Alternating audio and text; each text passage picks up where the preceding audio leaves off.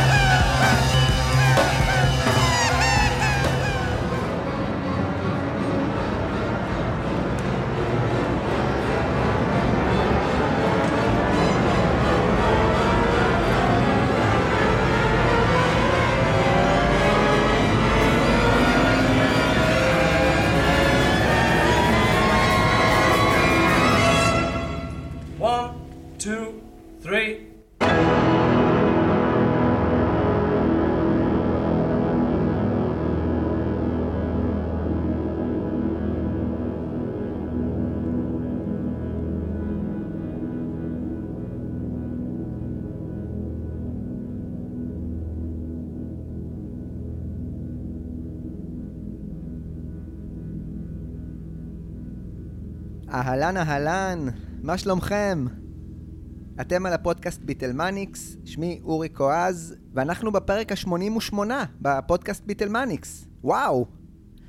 היום אנחנו עם פרק מאוד מאוד מיוחד עבורי. אה, קשה להבין עד כמה זה מרגש בעיניי. הפרק שבו הגענו לסיום ההקלטות של אלבום המופת המושלם של הביטלס. אלבום שעבורי הוא הטוב ביותר של הלהקה החשובה בכל הזמנים, אלבום שהמציא מחדש את המושג מוזיקה פופולרית, אלבום שהוא שיא אולפני, הן של הביטלס והן של הצוות הטכני. אלבום שמזקק פנימה את המצב המדויק שהביטלס כלהקה היו בו, ואת המצב של חברי הלהקה כל אחד בנפרד, שעושים חשבון נפש, מסתכלים אחורה לעבר, ואין להם מושג מה צופן העתיד. אם לא יעצרו אותי, אני יכול להמשיך ככה לנצח. גבירותיי ורבותיי, להקת מועדון הלבבות הבודדים של הסמל פפר.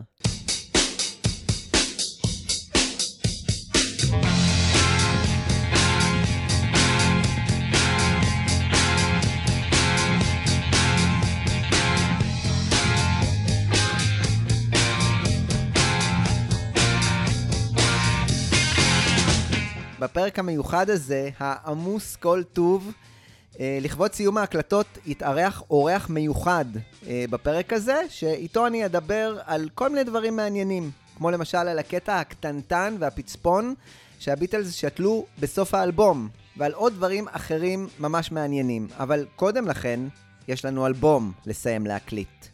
מוכנים? יאללה.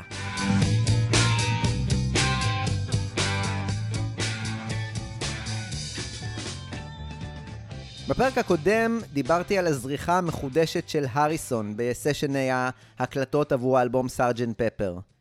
במה זה התבטא? פתאום היה לו מה לומר, מה לייעץ, אה, והדבר החשוב ביותר עבורו הייתה ההצלחה להכניס לשירים של לנון ומקארטני את הטמפורה, אה, אותו הכלי שכיכב בפרק הקודם, כששמענו אותו מבליח, הן ב-Lucy in the Sky with Diamonds והן ב-Getting Better. שעבור הריסון, יחד עם הסווארמנדל ב Strawberry Fields Forever, הייתה הצלחה לא מבוטלת להמשיך ולהביא את המזרח אל תוך המערב. המסע הזה שלו, שהתחיל ב Rubber Soul עם Norwegian Wood, המשיך בריבולבר עם Love You To, והבליח עכשיו בשירים של לנון ומקארטני, לא יכל להיעצר כאן. אחרי הפידבק הלא מתלהב, בלשון המעטה, שהוא קיבל עבור השיר Only a Northern Song, אריסון עשה חושבים איך הוא לוקח את החיבור הזה של הכלים ההודים ומביא אותם פנימה יותר אל תוך המוזיקה המערבית. אני אזכיר שבספטמבר ואוקטובר 1966, אה, ג'ורג' יחד עם פאטי ביקרו בהודו, כשהתירוץ במרכאות היה ללמוד לנגן סיטר אצל רבי שנקר. ג'ורג' למעשה גם קצת ברח מהביטלס הכי רחוק שהוא יכל, ורצה להתנתק אה, עד כמה שאפשר. כשבעצם הוא גילה שגם בבומביי יש מי שיזכירו לו שהוא ביטל, או היה ביטל, לטעמו. ההפרעות הללו יצרו מסע בהודו, יחד עם רבי שנקר, אה, מסע שדיברתי עליו בפרק 7 בסדרה, מסע שהכניס אותו יותר אה, לא רק למוזיקה ההודית, אלא גם למיסטיקה ההודית, משהו שכנראה הלך יד ביד. אחד הספרים שקיבל ג'ורג' במסע הזה בהודו מרבי נקרא האוטוביוגרפיה של יוגי. ספר שכתב נזיר הודי בשם פרמהנסה יוגננדה, וראה אור ב-1946. הספר הזה היה מעין אה, רומן אוטוביוגרפי על איך זה להיות אדם רוחני ואיך להגיע לשם. בסיפור הזה יוגננדה שזר גם את הודו הרוחנית עצמה. זה ספר ששינה לגמרי את התפיסה של ג'ורג' הריסון, את העולם ואת העולם הרוחני. המסקנה שלו, או התפיסה שהוא הלך וגיבש, היא שכולנו אחד. זאת אומרת, שכל האנושות מורכבת מאותה האנרגיה, או מאותו הכוח, ואנחנו בעצם מחוברים וקשורים אחד לשני יותר ממה שאנחנו אה, יכולים לדמיין. יש כוח בלתי נראה שקושר את כולנו יחדיו, למרות הראייה של התרבות המערבית את עצמה כאינדיבידואלית ועצמאית. על פי אותה האג'נדה, מי שלא מקבל את התפיסה הזו, בעצם מסתתר מאחורי אגו, או חומה של אשליה. הנושא הזה בדיוק עלה בארוחת הצהריים שאליה הוזמנו פטי וג'ורג' בביתו של קלאוס פורמן בלונדון, באזור חודש מרץ 1967. מי שעוד היה נוכח בארוחה הזו היה טוני קינג, איש יח"צ מפורסם מאוד, שהכיר את כולם, והיה מאוד מאוד מיודד עם הביטלס. כמה מיודד? מאוחר יותר, ב-1970, הוא יהפוך להיות מנכ"ל אפל ארצות הברית, ובין 1973 ל-1975 הוא יעבוד כאיש יח"צ של ג'ון ורינגו, שיקדם את האלבומים שהם הוציאו בתקופה הזו. בינתיים, עד ל-1967, הוא הספיק לעבוד עם אה, אנדרו אולדהם עבור הסטונס, וגם עם ג'ורג' מרטין עבור אולפני אר. ככה סיפר טוני קינג על השינוי שעבר על ג'ורג' הריסון בתקופה הזו, מנקודת המבט שלו. כשפגשתי את ג'ורג' ב-1963, הוא היה Mister Fun, Mister חוגג כל הלילה. פתאום הוא גילה את ה-LSD ואת הדת ההודית, והוא הפך לרציני מאוד. הדברים השתנו מסופי שבוע עליזים שבהם אנחנו יושבים ומצחקקים, לסופי שבוע רציניים, שבהם כולם מדברים על משמעות היקום. על ארוחת הצהריים הזו אצל אה, קלאוס, טוני קינג סיפר ככה: כולנו היינו בעניין של אה, חומת האשליה והאהבה שזרמה בינינו, אבל אף אחד מאיתנו לא ידע על מה אנחנו בדיוק מדברים. זה היה קצת מגוחך, באמת. כאילו היינו חכמים פתאום. כולנו הרגשנו שכאילו צפינו במשמעות היקום. עבור ג'ורג' הריסון, השיחה הזו לא הייתה עניין של מה בכך. הוא היה כל כולו מושקע בזה, והשיחה הזו הביאה לו משפט לראש. We were talking about the space between us all. דיברנו על החלל בין כולנו. ככה סיפר הריסון להנטר דייוויס, שאתם בטח זוכרים מהפרק הקודם, אה, שכתב את הביוגרפיה של הביטלס. ככה צוטט ג'ורג' בביוגרפיה שכתב הנטר דייוויס. לקלאוס היה אורגן הרמוניום בבית, שלא ניגנתי בו קודם לכן. באותו האירוע של ארוחת הצהריים, שיחקתי בו קצת כדי לשעשע את עצמי, כשהשיר התחיל להגיע. המנגינה הגיעה קודם, ואז הגיע המשפט הראשון. זה יצא החוצה ממה שקרה באותו הערב, מאותה השיחה. את שאר המילים סיימתי מאוחר יותר, בבית. המילים תמיד היו קצת בעייתיות עבורי. אני לא מאוד פואטי. המילים שלי גרועות, באמת. אני לא לוקח שום דבר מהם ברצינות. זו רק בדיחה, בדיחה אישית. זה נהדר אם מישהו אחר אוהב את זה, אבל אני לא לוקח את זה יותר מדי ברצינות בעצמי. אני רוצה להתייחס רגע לדברים שאמר ג'ורג' להנטר דייוויס. זה לא שהנושא שהריסון כתב עליו היה בדיחה עבורו. ההפך הגמור. ג'ורג' התייחס לעניין הזה של uh, מהות החיים בעצם, והחיבור האנושי, ברצינות תהומית. אבל לכל אורך הסדרה אנחנו רואים את הבעייתיות של ג'ורג' בכתיבת מילים לשירים, וגם בהחלטה על שמות השירים שלו. ואת הצורך שלו להיעזר באנשים אחרים. אה, ראו מקרה ג'ון בטקסמן. דיברנו על החלל בינינו, ועל האנשים שמתחבאים מאחורי קיר של אשליה. אף פעם לא מציצים אל האמת, ואז זה מאוחר מדי כשהם הולכים לעולמם. כבר בבית הזה אפשר לראות את הבעייתיות שהריסון דיבר עליה. מה שהוא עשה זה בעצם לתאר אחד לאחד את השיחה בארוחת הצהריים אצל קלאוס. אין אפילו חריזה, שזו בעצם המצאה יותר מערבית, ולכן העצלנות הזו, במרכאות, התאימה לקטע שמתיימר להיות משהו יותר מזרחי, או כזה שמושפע מהתרבות ההודית. כאן אין לזה צורך. הריסון יחזור כבר בשנה הזו, ב-1967, על שיטת הכתיבה הזו שמתארת אירוע אה, מאוד ספציפי, כמו השיחה הזו בארוחת הצהריים. הוא יחזור על זה ב Blue Jay Way, שגם אה, בשיר הזה הוא ישתמש בטוניקה ההודית, אבל באופן כבר הרבה יותר פופי ומערבי ועם חריזה. טוני קינג הוסיף עוד פרטים על הריסון וההרמוניום בבית של קלאוס. לקלאוס היה את ההרמוניום עם הדוושה, וג'ורג' נכנס לחדר הסמוך והתחיל להתעסק בו.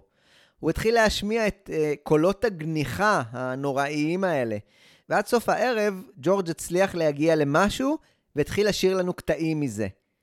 זה מעניין שההקלטה הסופית של Within You Without You הייתה עם אותו סוג של צליל נאנק ששמעתי על ההרמוניום.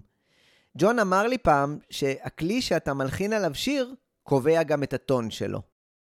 לאריסון היו אה, בעיות ליריות עם השירים שלו, אבל בריבולבר ראינו גם שלהעניק שמות לשירים שלו הייתה בעיה לא קטנה אצלו. ג'ף אמריק נאלץ להצמיד לשירים שלו אה, שמות זמניים בזמן ההקלטה, כי לג'ורג' פשוט לא היו שמות לשירים שלו. במקרה הזה, את שם השיר החדש שהוא כתב, הוא בסופו של דבר ישאיל.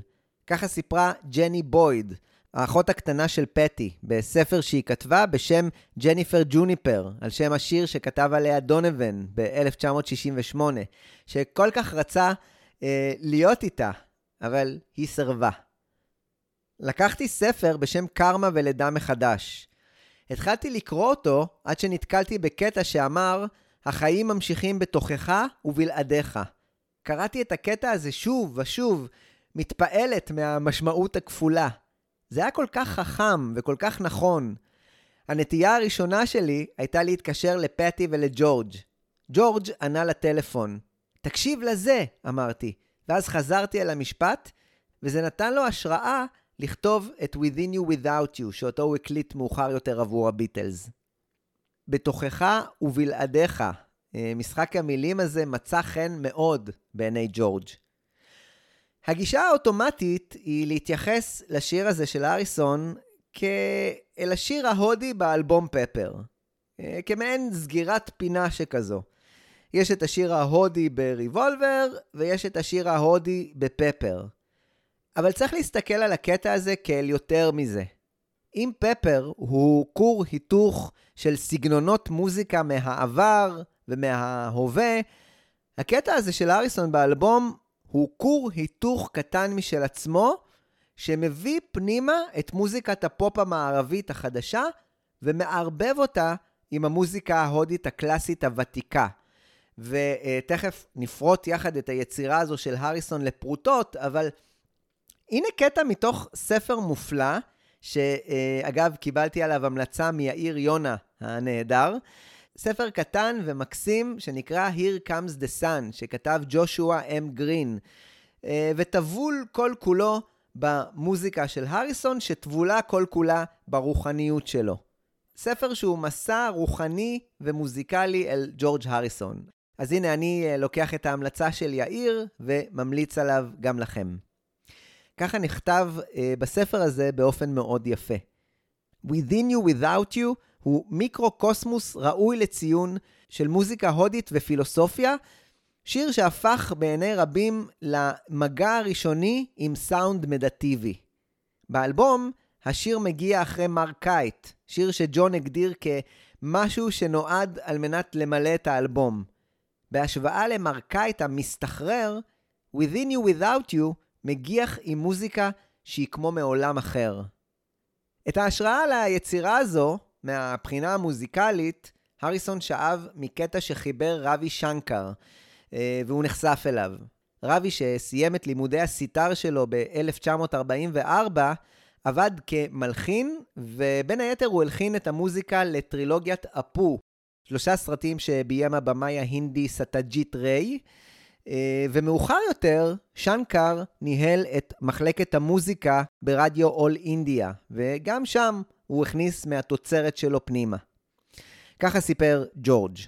זה היה שיר שכתבתי על סמך קטע מוזיקלי של רבי, שהוא הקליט עבור רדיו אול אינדיה. זה היה קטע מאוד ארוך, אולי 30 או 40 דקות, והוא נכתב בחלקים שונים, עם התקדמות בכל אחד מהם.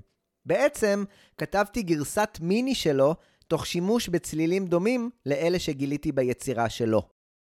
באיזו יצירה בדיוק של רבי מדובר, אני לא ממש יודע לומר, אבל מיד נראה איך היצירה הזו של ג'ורג', ששאבה השראה מהיצירה של רבי, תהיה הארוכה ביותר באלבום סארג'נט פפר, אם לא מחברים את ה-run out groove ליום בחיים.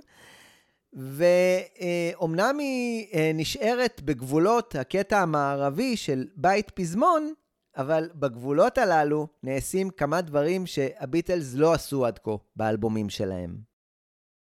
ב-15 במרץ ג'ורג' הגיע עם השיר חסר השם שלו אה, לאולפן, כחודש אחרי שהביטלס כאמור עבדו על Only a Northern Song. אה, אז קשה לומר שמישהו ציפה שהריסון יביא איתו איזושהי יצירת מופת.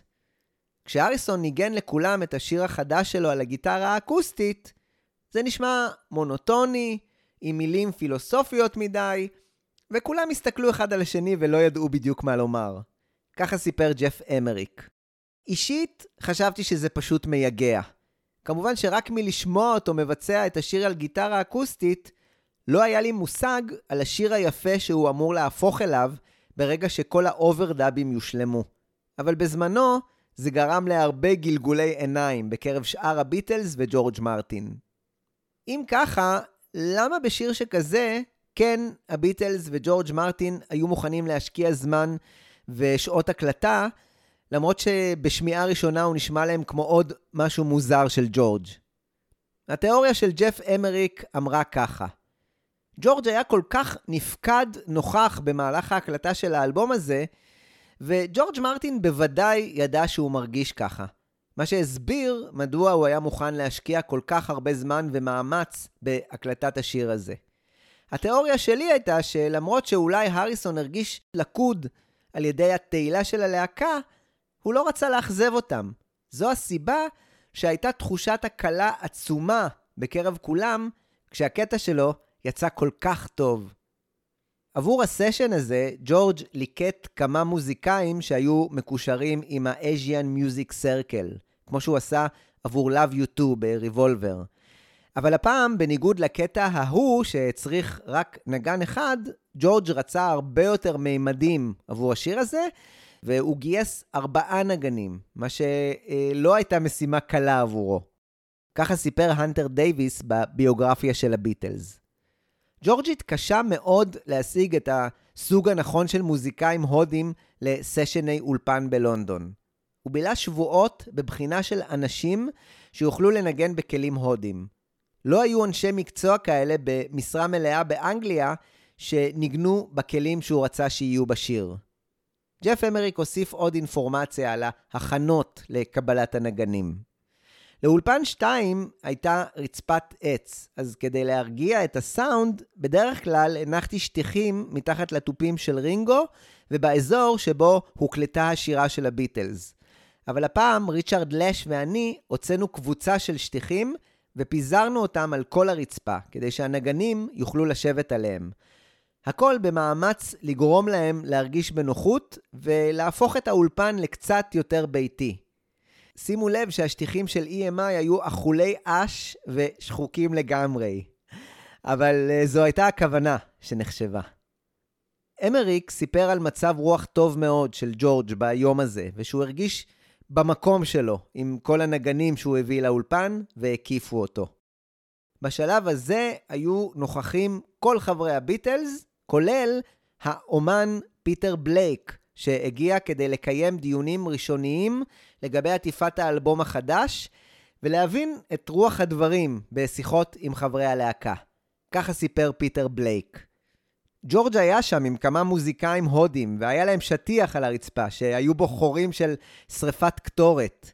ג'ורג' היה מאוד מתוק. הוא תמיד היה מאוד אדיב ומתוק. והוא קם, קיבל את פנינו והציע תה. פשוט ישבנו והסתכלנו כמה שעות. זו הייתה תקופה היסטורית מרתקת.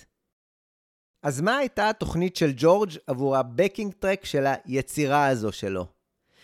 זוכרים שדיברתי על הטמפורה הצורמנית בפרק הקודם? אז זו קבלת הפנים שג'ורג' ביקש שתהיה למאזין כשהשיר מתחיל. אותה צורמנות חלומית מסתורית. פתיחה הודית קלאסית, כפי שנפתח גם Tomorrow Never Knows.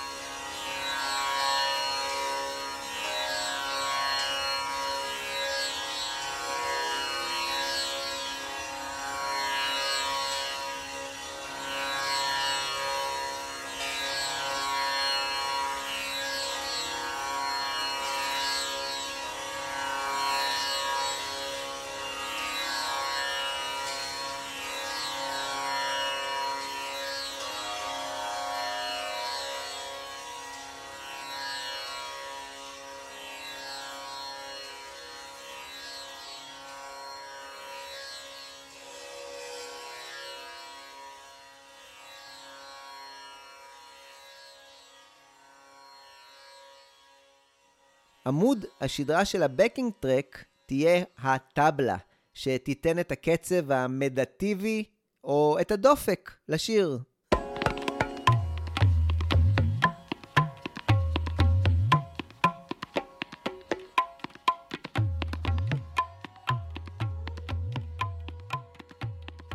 על גבי זה, ג'ורג' רצה את הדילרובה, מעין כלי ש... אה, נראה כמו אה, סיטר קטן או אה, כינור הודי שמנגנים בו בעזרת קשת.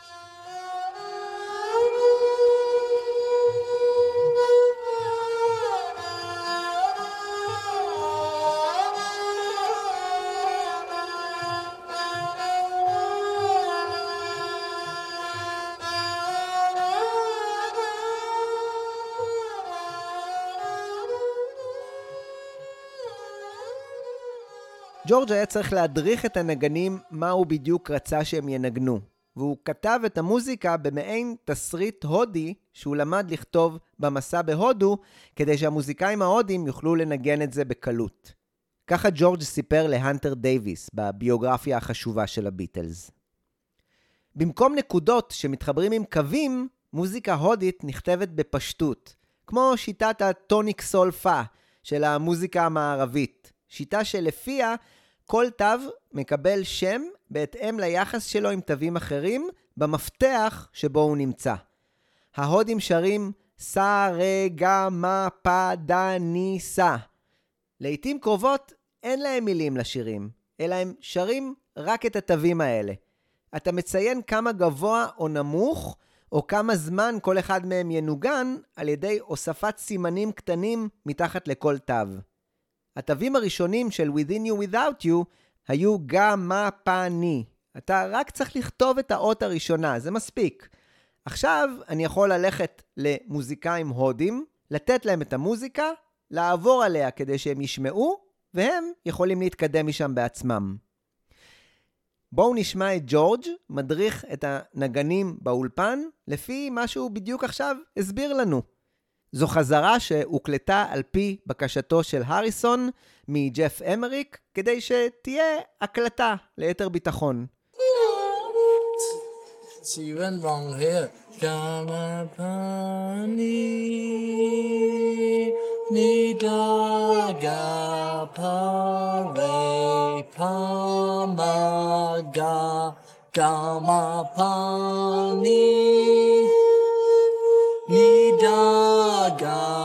Hare God, Gama Pama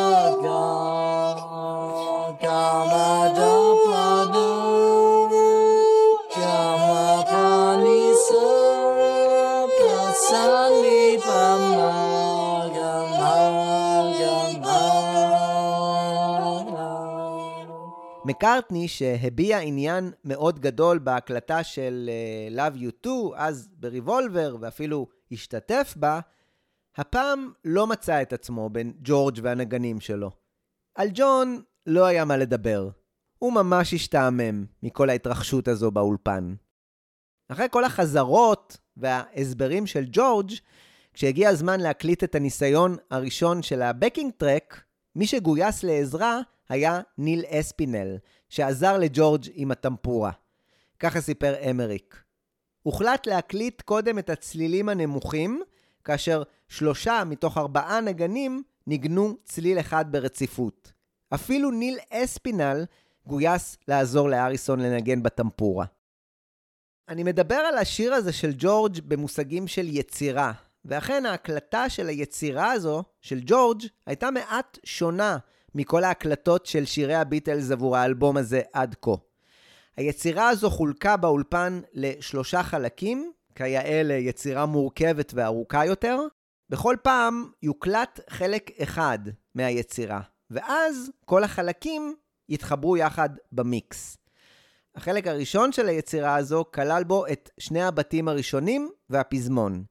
החלק השני היה החלק שישמש כקטע האינסטרומנטלי ביצירה הזו, שיכול ממש בקלות לשמש כיצירה בפני עצמה. החלק השלישי היה עוד בית ופזמון, שסגרו את היצירה הזו.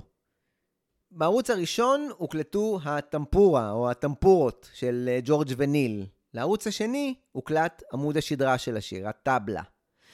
לגבי ההקלטה של הטבלה, אה, ג'ף אמריק, שהיה כבר אה, למוד ניסיון מההקלטה של Love You 2, היה מאוד גאה בתוצאה.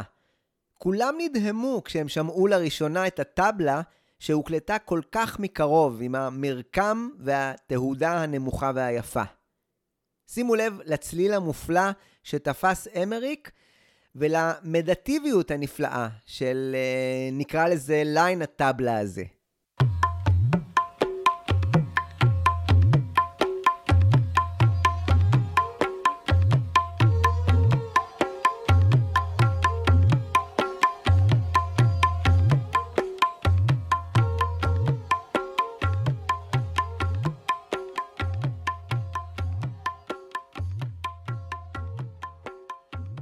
יחד עם הטבלה, על אותו הערוץ, הוקלט הסווארמנדל, אותו אה, מיני נבל הודי, שאנחנו מכירים כבר מההקלטה ל Strawberry Fields Forever.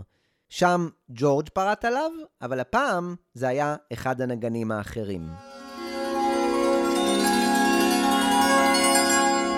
הכלי הבא היה הכלי המוביל, הדילרובה, שבעצם ניגן את המנגינה של מה שג'ורג' ישיר ב vocals.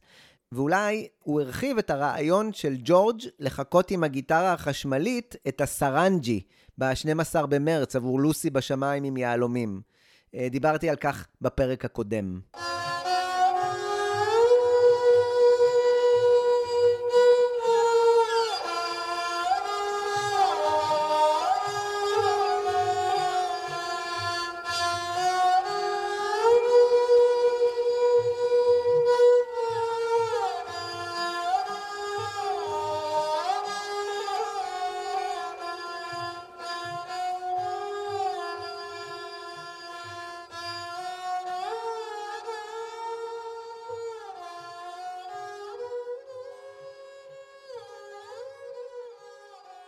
אחרי החיבור של כל הקטעים יחד, האורך של הבקינג טרק היה 6 דקות ו-25 שניות.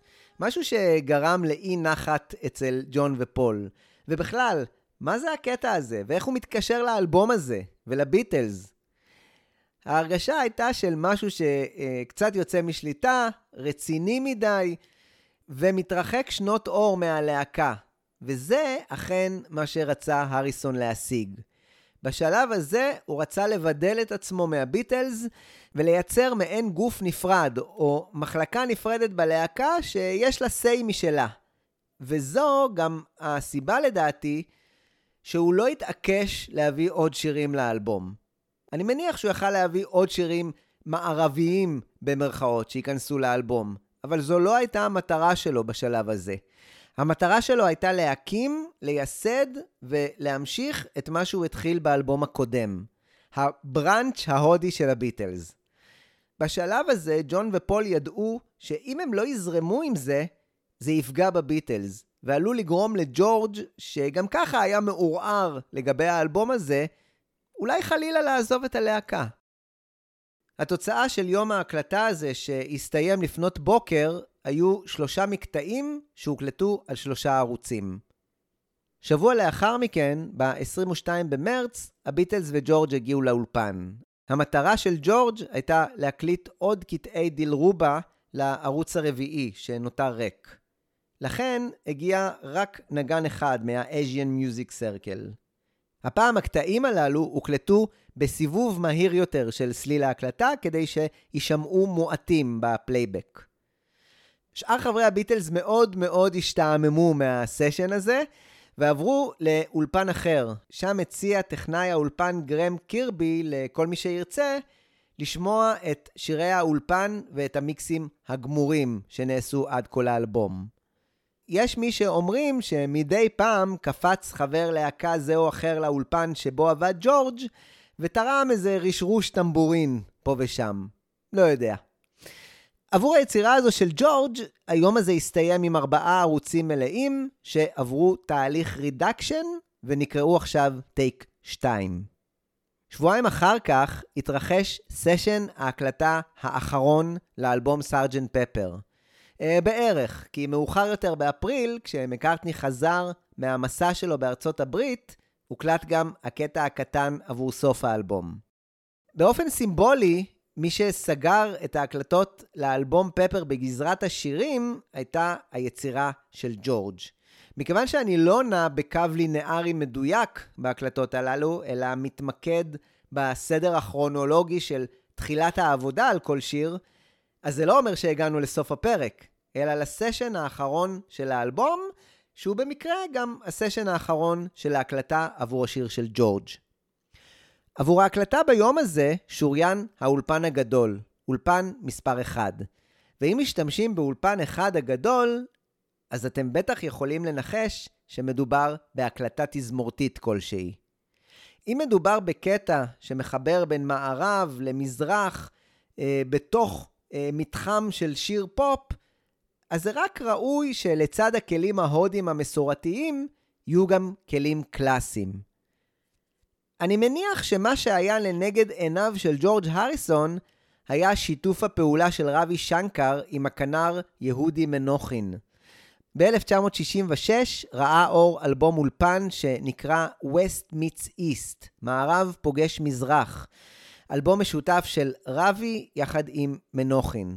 רבי ניגן על הסיטר, מנוחין על הכינור, והיו שני קטעים באלבום שבהם הם שיתפו פעולה יחדיו, וקיבלו חיזוקים של טמפורה וטבלה.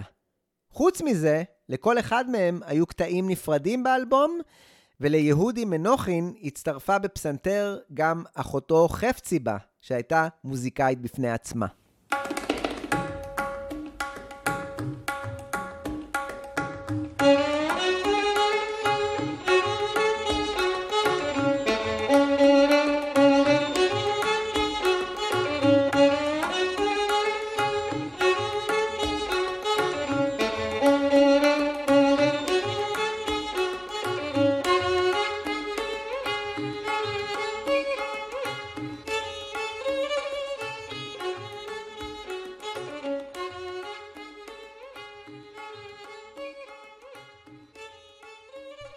חזרה ליצירה של ג'ורג'.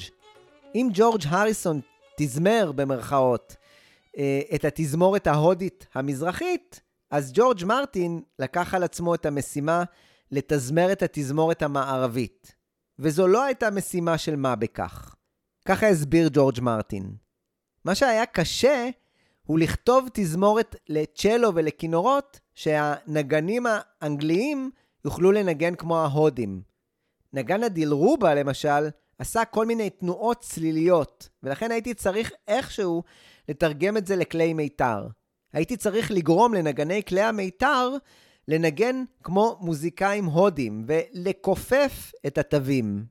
הניסיונות הללו להתאים את המוזיקה המערבית לזו המזרחית ההודית גם מעט תסכלו, ככה סיפר ממה שראה מהצד ג'ף אמריק. ג'ורג' מרטין ניצח על אותם נגני תזמורת שהיו מהשורה הראשונה ועבדו על רוב התזמורים בפפר. אבל למרות המומחיות שלהם, לקח למוזיקאים הרבה זמן לעשות את זה כמו שצריך. אני זוכר בבירור את מבט הריכוז העמוק על פניהם כשהם נאבקו להבין ולנגן את הפרטיטורה המורכבת. זה בהחלט היה אתגר למוזיקאים שרבים מהם נראו קצת מתוסכלים ככל שהסשן נמשך. במוזיקה המזרחית לא היו קווי תווים אמיתיים, רק הרבה צלילים מתמשכים. זה היה סשן קשה מאוד עבור ג'ורג' מרטין. בסוף הסשן הוא כבר היה ממש גמור. למרבה המזל, הוא נעזר בג'ורג' הריסון, ששימש כגשר בין הטונליות והמקצבים ההודיים שאותם הוא הבין היטב, לבין הרגישויות המערביות של ג'ורג' מרטין והמוזיקאים הקלאסיים. מעולם לא התרשמתי יותר משני הג'ורג'ים כמו באותו לילה מאוד מיוחד וכמעט רוחני. אולי שיתוף הפעולה הנדיר הזה בין שני הג'ורג'ים נבע מהעובדה שבשלב הזה של סוף ההקלטות, מקארטני כבר המריא לארצות הברית, ולא היה נוכח, מה שנתן לאריסון את האפשרות לבלוט ולהחליט לגבי התזמור עבור השיר שלו, ללא כל התערבות חיצונית.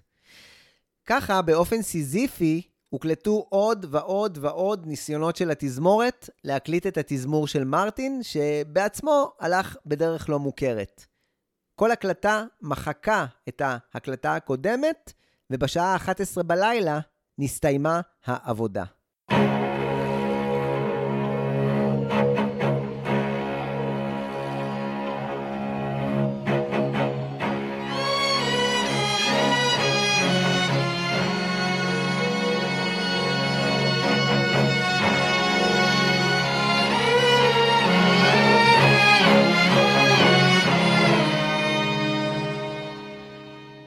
למרות סיום ההקלטה של התזמורת, היו עכשיו טסקים שג'ורג' היה צריך לסיים. למשל, אה, תוספות סיטר, ככה סיפר אמריק. לאחר שהסתיימה ההקלטה של כלי המיתר והנגנים עזבו, עברנו לאולפן מספר 2. שם ג'ורג' הריסון התחיל לכוון את הסיטר שלו, כשהוא יושב ברגליים מסוכלות על שטיח שהנחנו עבורו. הוא היה צריך רק להוסיף שלושה או ארבעה קטעים עבור הקטע האינסטרומנטלי. אבל חלק מהדרישות היו מסובכות, וזה לקח לו שעות להקליט. אף אחד מאיתנו מעולם לא העריך באמת כמה קשה היה לנגן בסיטר. למרות העובדה שג'ורג' היה די מוצלח, נראה שתמיד לקח הרבה זמן כדי להקליט את החלקים שלו בכל פעם שהוא ניגן בכלי. הנה כמה דוגמאות לתוספות הקטנות של ג'ורג' שנועדו למלא מרווחים שנותרו ריקים.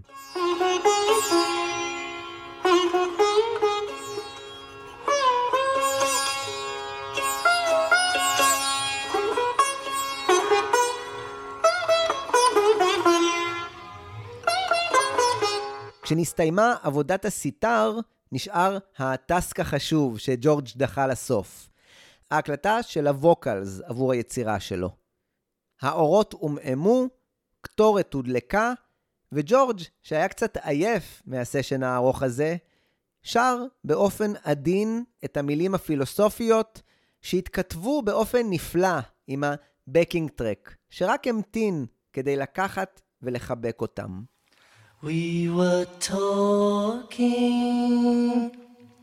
about the space between us all and the people who hide themselves behind a wall of illusion never glimpse the truth, then it's far too late when they pass away. המטרה של ג'ורג' הייתה לשיר יחד עם הדילרובה, כאילו ששניהם אחד. הבקינג טרק שג'ורג' שמע באוזניות בזמן שהקליט את השירה, הואץ מעט. את הבקינג טרק הרגיל, לפני ההאצה, תוכלו לשמוע במלואו באלבום השני של האנתולוגיה. העבודה על היצירה של ג'ורג' הסתיימה כשהוא הקליט פה ושם תוספות של uh, גיטרה אקוסטית, שאני מודה, בקושי נשמעת. אבל תוספת משמעותית, ג'ורג' ביקש מהטכנאים להוסיף לסוף היצירה שלו. ככה ג'ורג' מרטין הסביר את קולות הצחוק שסוגרים אותה. הוא, הריסון, חשב שזה יהיה רעיון טוב. אני חושב שהוא רצה להקליל את מצב הרוח הרציני. ככה ג'ורג' עצמו אמר להנטר דייוויס בביוגרפיה של הביטלס. אחרי כל הדברים ההודים הארוכים האלה, אתה רוצה הקלה. הצחוק הזה שוחרר אחרי חמש דקות של מוזיקה עצובה. לא צריך לקחת אותה כל כך ברצינות.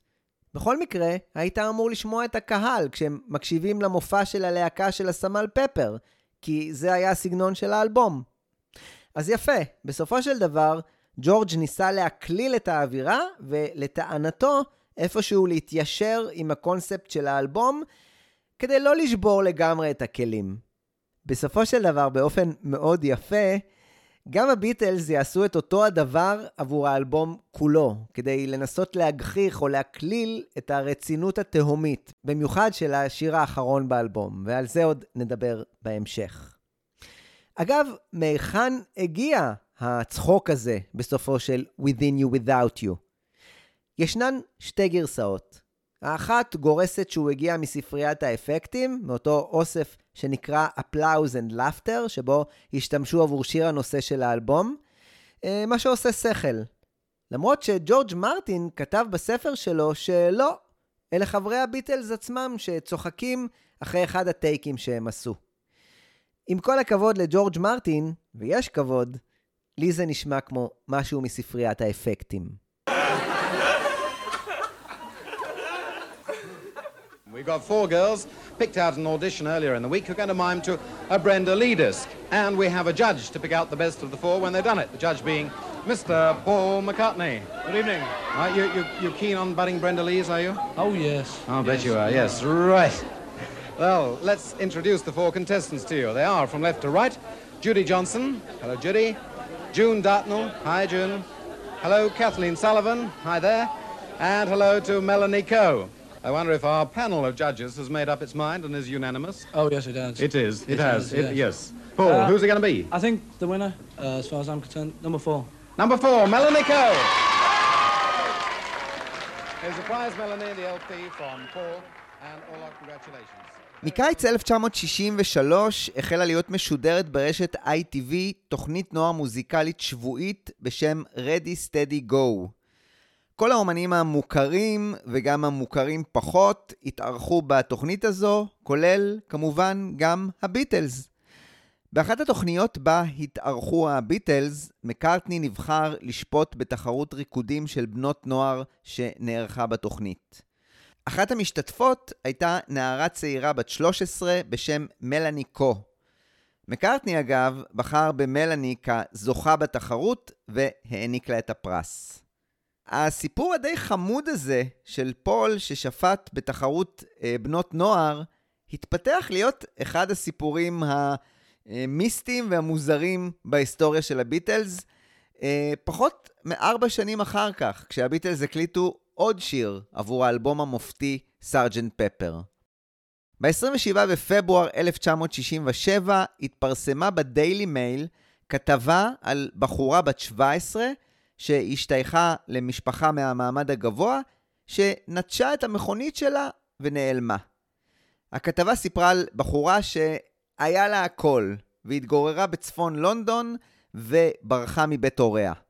אחרי סדרת כתבות שהתפרסמה ועקבה אחרי המקרה הזה של הנערה שברחה מהבית, התברר שהבחורה הייתה לא אחרת מאשר מלאני קו, אותה משתתפת בתחרות הריקודים שבה שפט מקארטני ב-1963 והעניק לה את הפרס. סדרת הכתבות גילתה שמה שקרה הוא שמלאני הייתה בהיריון ופחדה מאוד לספר על כך להוריה, ובמיוחד לאימה, אליס, שהייתה אה, ספרית מפורסמת בלונדון. כשהוריה יצאו לעבודה, מלאני ברחה מהבית, התיידדה עם קופאי צעיר, ויחד הם בילו כשבוע עד שהוריה מצאו אותה והחזירו אותה הביתה. בתקופה שכזו, ששירים נכתבים מתוך פוסטר, או ציורים, או עיתונים, זה לא היה חריג שמקרה שכזה יעורר את בלוטות כתיבת השירים של חברי הביטלס.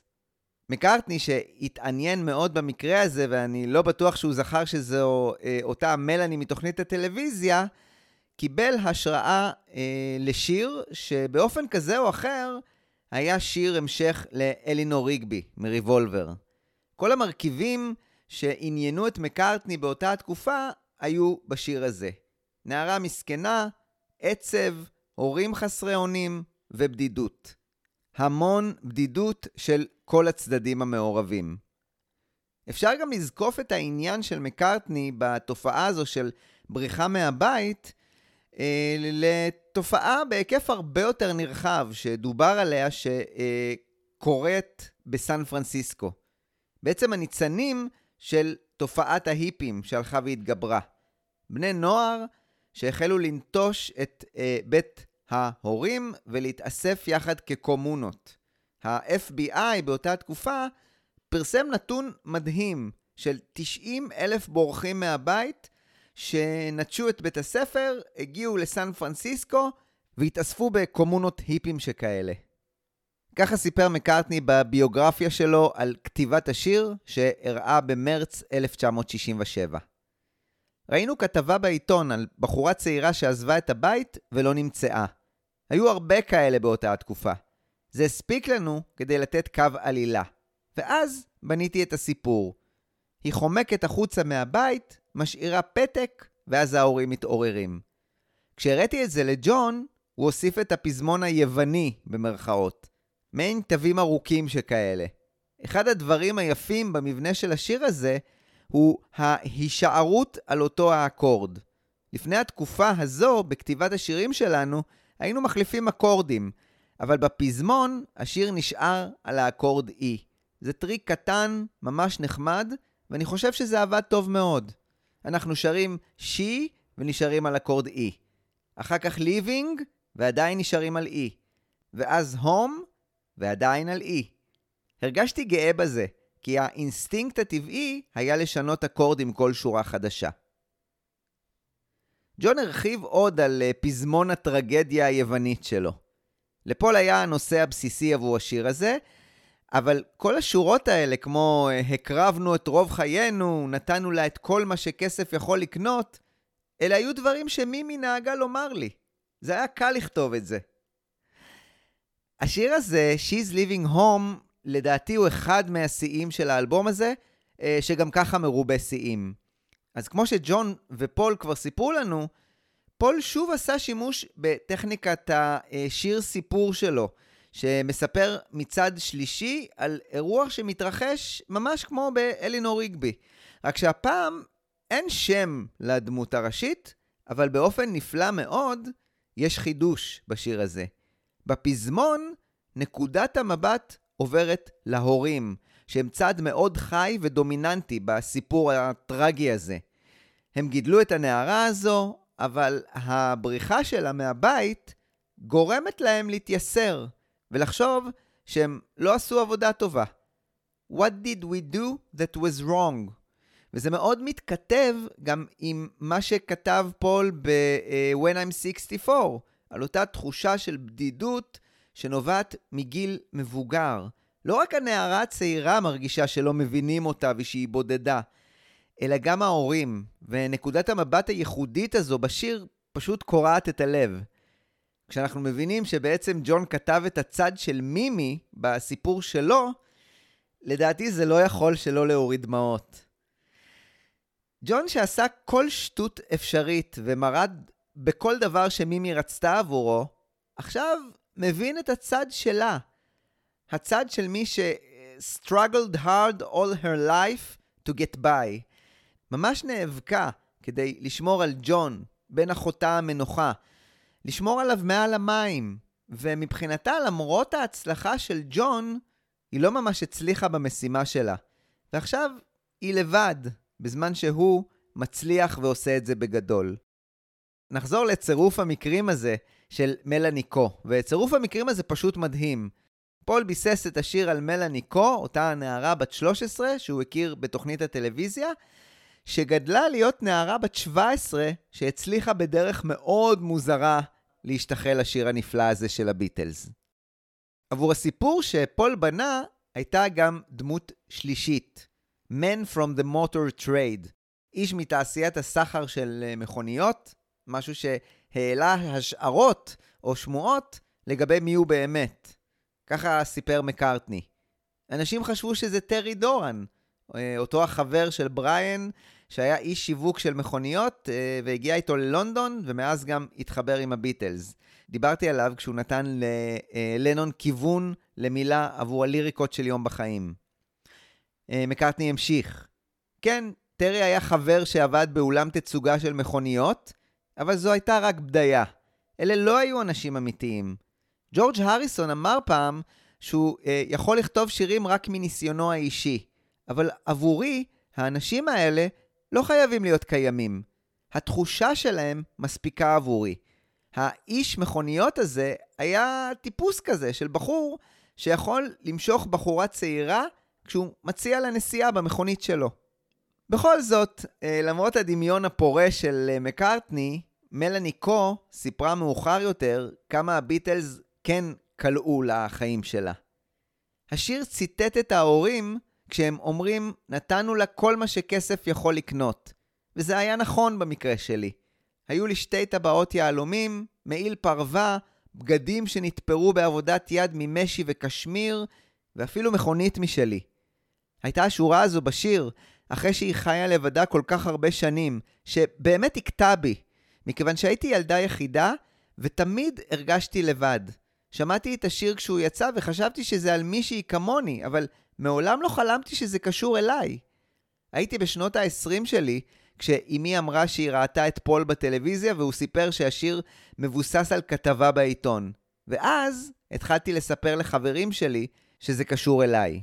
כן השארתי פתק להורים שלי, ואכן נפגשתי עם גבר וחלקתי איתו דירה במרכז לונדון. הוא היה קופאי, אבל בעבר שלו, באופן מאוד מוזר, הוא עבד בעסקי הרכב. אז כן, הוא היה בעברו איש מתחום המכוניות. צד אחר של השיר הזה היה יותר מופרך ומשעשע, והוא הצד של חובבי קונספירציית מותו של פול מקארטני ב-1966, או תיאוריית הכפיל, כמו שאוהבים לקרוא לזה. מי שדקדקו היטב בליריקות של המילים, בחרו את Wednesday morning at 5 o'clock, יום רביעי בשעה 5 לפנות בוקר, כאותה השעה של התאונה הפטאלית והדמיונית הזו. מי שרצה עוד חיזוק דמיוני, הפך את עטיפת התקליט של פפר, וראה שג'ורג' הריסון בתמונה האחורית כאילו מצביע על השורה הזו בשיר. אני מקפיד מאוד לקרוא לתיאוריה הזו מופרכת לחלוטין, אבל באותה הנשימה גם מאוד מאוד משעשעת. ואנחנו אה, נעסוק עוד בפרק הזה בהומור שמנפץ חשיבות עצמית גדולה, ולכן ברוח הזו אני מרשה לעצמי להמליץ על ספר נהדר שראה אור בשנות ה-90 על התיאוריה המופרכת הזו. ספר שנקרא The Walrus was Paul, שכתב אר גרי פטרסון, כי גם לכתוב על שטויות צריך לדעת איך. והוא עשה את זה ממש נפלא.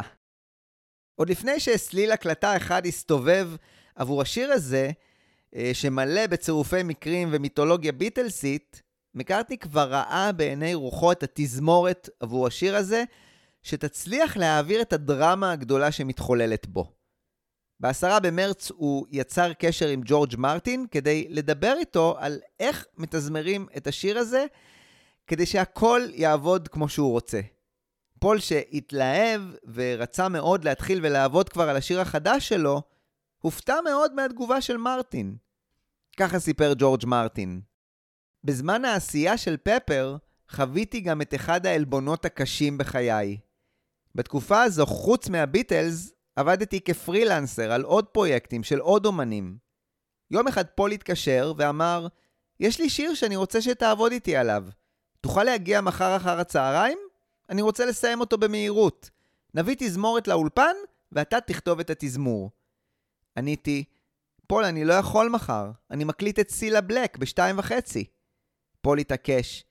בחייך, ג'ורג', בטח תוכל להגיע בשעה שתיים. לא, פול, אני לא יכול, יש לי סשן הקלטה. בסדר גמור, הוא אמר, וסיים את השיחה. משם, פול הפגוע או המופתע התקשר לניל אספינל כדי שימצא מישהו אחר לתזמר את השיר שלו. מקארטני הכווין את אספינל למייק ליאנדר, בחור שהוא זכר שהפיק עבור מריאן פייטפול את הקאבר שלה עבור Yesterday. Yesterday, all my troubles seem so far away. Now it looks as though they're here to stay. Oh, I believe in yesterday. Suddenly.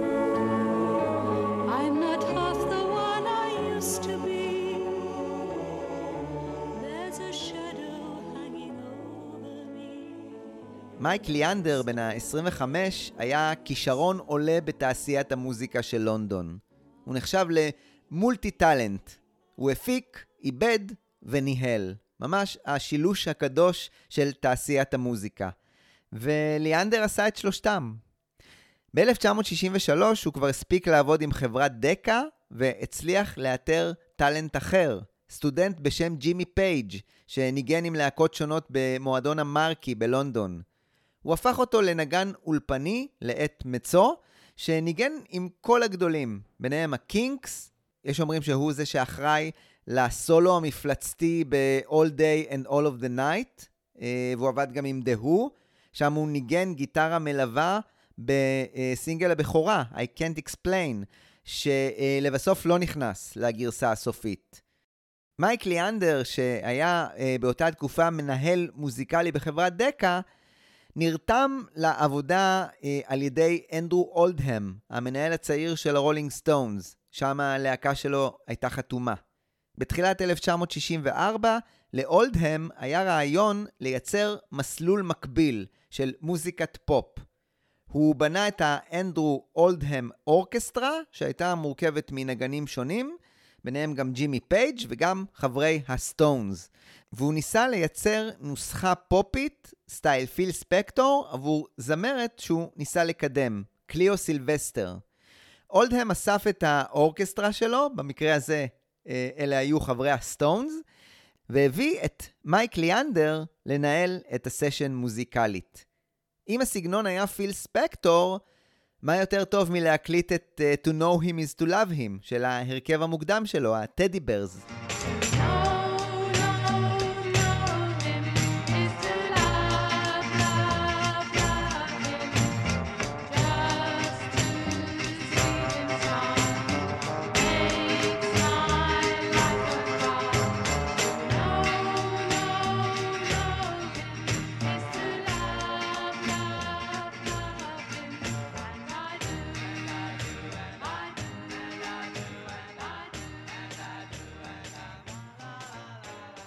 הדרך של ליאנדר הצטלבה עם הביטלס לראשונה כשהוא הפיק אומן צעיר בשם ג'ו קוקר, שחתם ב-1964 חוזה עם חברת דקה.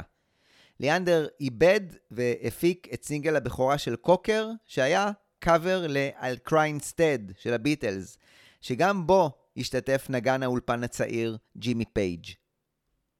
באוקטובר 1965, כאמור, ליאנדר עבד עם מריאן פייטפול על הקאבר של Yesterday באולפני דקה, וגם מקארטני היה נוכח ביום הזה. ב-1966, אה, ליאנדר עזר לפיטר וגורדון להזניק מעט את הקריירה המדשדשת שלהם, והעניק להם שיר בשם Lady Godiva, שיר שהוא כתב יחד עם צ'ארלי מיילס, שיר שהעניק להם את ההצלחה האחרונה שלהם במצעדים. ב-1969 ליאנדר שחרר גרסה אינסטרומנטלית נהדרת אה, שלו ושל האורקסטרה שלו ל-Here, There and Everywhere. גרסה מאוד פיל ספקטורית, ולטעמי ממש ממש יפה.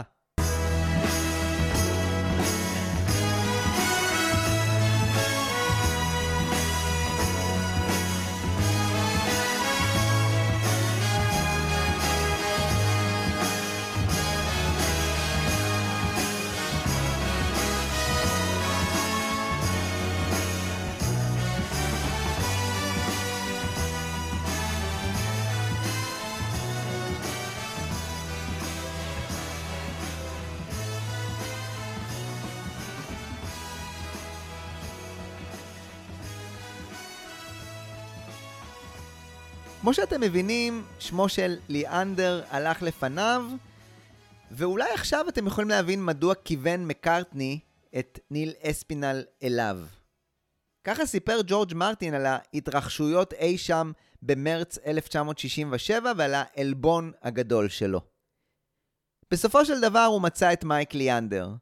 למחרת, פול הציג לי את התזמור ואמר, הנה, יש לי תזמור, אנחנו יכולים להקליט את זה עכשיו. הקלטתי את זה עם כמה שינויים כדי שזה יעבוד טוב יותר, אבל נפגעתי. חשבתי לעצמי, פול, יכלת לחכות. כי באמת, לא יכלתי לעשות את זה אחר הצהריים, אלא אם כן הייתי מקדיש את כל זמני לביטלס. פול כנראה לא חשב שזה חשוב שאני אעשה את הכל, מה שבעיניי כן היה חשוב. לא הוצאתי מזה הרבה מבחינה כלכלית, אבל לפחות קיבלתי סיפוק. התזמור עצמו בסופו של דבר היה מספיק טוב, והוא עדיין מחזיק מעמד, גם היום, אבל זה היה התזמור היחיד אי פעם שמישהו אחר עשה במשך כל התקופה שלי עבור הביטלס. ככה זה קרה ולא היה שום דבר לעשות בנידון. זה שיר שחמק ממני, ורציתי לעשות אותו, אבל פול היה חסר סבלנות, והופתע מאוד שהתעצבנתי. פול כמובן הסביר את הצד שלו לסיפור. דיברתי עם ג'ורג' ואמרתי שאני ממש מתלהב מהשיר הזה ואני רוצה להקליט אותו בשבוע הבא. אני ממש חם להקליט אותו. זה היה אחד מהרגעים האלה שיש לך את זה ואתה לא רוצה לעצור ולא רוצה לאבד משהו. הוא אמר, אני מצטער, פול, יש לי את סילה בלק. וחשבתי, fucking hell, אחרי כל הזמן הזה שעבדנו יחד, הוא לא מוצא זמן לזה? זה כנראה לא היה הגיוני מצידי לצפות זאת ממנו.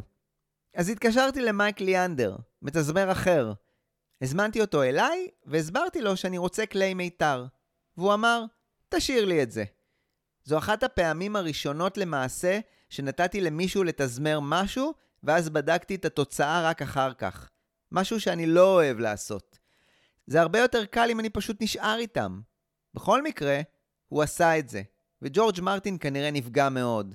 אבל אני, כמובן נפגעתי שהיה לו זמן לסילה.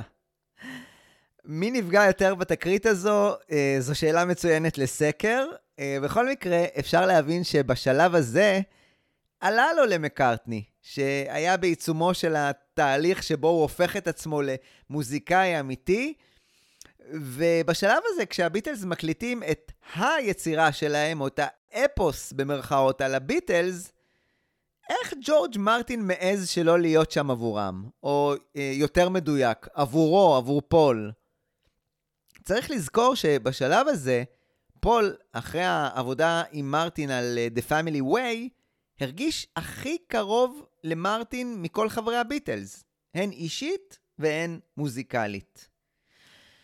בכל מקרה, למזלנו, בשלב הזה שניהם ידעו לשים את המחלוקת או את העלבון הזה בצד, וב-17 במרץ הגיע מקארטני לבדו לאולפן, וכמו במקרה של אלינור ריגבי, הבקינג טרק הזה היה מורכב כולו רק מהתזמור. עשרת הנגנים שהזמין ג'ורג' לאולפן היו כאלה שכבר עבדו על האלבום של הביטלס, והמוכר ביותר היה הכנר ערך גרינברג. היו שם עוד שלושה כנרים, שני נגני ויולה, שני נגני צ'לו ונגן קונטרבס אחד. ועוד תוספת אחת משמעותית. לראשונה, בהקלטה של הביטלס, הייתה נגנית אישה. זו הייתה נגנית הנבל שילה ברומברג. והנה הנקמה הפצפונת של מרטין במקארטני או בליאנדר. ג'ורג' מרטין לקח את התזמור שכתב מייק ליאנדר ועשה בו שינויים ממש קלים כדי להטביע את החותם שלו. הייתי חייב לשנות את התזמור במעט, לא בהרבה. ככה אמר ג'ורג' מרטין. את התזמור שהשתנה ממש מעט ממה שכתב מייק ליאנדר, מרטין עכשיו הציג לעשרת הנגנים, ולא שכח לומר באצילות שמייק ליאנדר עשה עבודה טובה. שילה, נגנית הנבל, לא ידעה בכלל שמדובר בהקלטה עבור הביטלס. היא סיפרה שברגע ששמעה את קולו של מקארטני עם המבטא הליברפולי, אז היא הבינה במה מדובר. Thank you.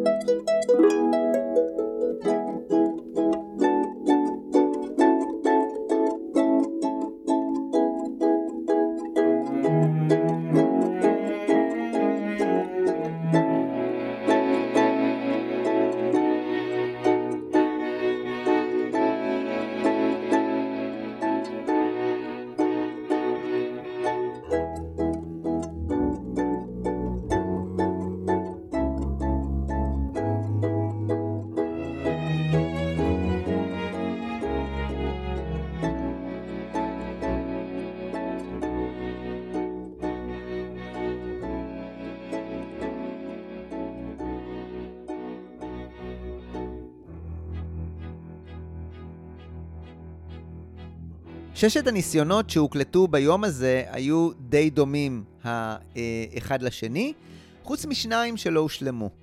ככה סיפרה נגנית הנבל שילה על התהליך. ניגנתי בדיוק מה שהיה כתוב, ואז עצרתי, ופול אמר, לא, אני לא רוצה את זה, אני רוצה משהו אחר. וככה שילה ניסתה רעיונות שהיו לפול, וכל פעם פול היה שולף רעיון אחר. אני חושבת שהיה לו רעיון בראש איך הוא רצה שזה יישמע, אבל הוא לא יכל לתאר את זה, הוא לא יכל לבטא את זה, והוא חיכה שמישהו יוציא את זה החוצה לאוויר העולם. במהלך הסשן, אחרי כל פעם שניגענו, הייתי שומעת מחדר הבקרה את קולו של פול. לא, אני לא רוצה את זה, אני רוצה משהו אחר. ואז ניגענו שוב. כשהגיע חצות ולנגני כלי המיתר באמת כבר נמאס, אריך גרינברג, שהוביל את התזמורת הקטנה הזו, קם ואמר, כבר חצות, אנחנו צריכים ללכת הביתה, אנחנו עובדים בבוקר. ואז שמענו את פול מחדר הבקרה. טוב, אה, אני מניח שזהו זה. ואז כולנו הלכנו הביתה. הסיפור המשעשע הזה הופך לעוד יותר משעשע כשמגלים שההבדלים בין טייק 1 לטייק 6 כמעט ולא קיימים. התזמורת ניגנה כמעט באופן זהה לחלוטין בכל הטייקים, ומקארטני רק חשף שלמרות השינוי הגדול שעבר עליו על הביטלס, קיים עדיין פער בין המוזיקה הפופולרית שהם עושים לעולם המוזיקה הקלאסית. הן בגישה והן בדמיון. ולמרות זאת, באלבום הזה הדמיון והקלאסיות נפגשו ויצרו פלאים וקרבו מעט בין שני העולמות. הסשן הזה הסתיים עם שני טייקים טובים, כמעט זהים אחד לשני. טייק אחד וטייק שש.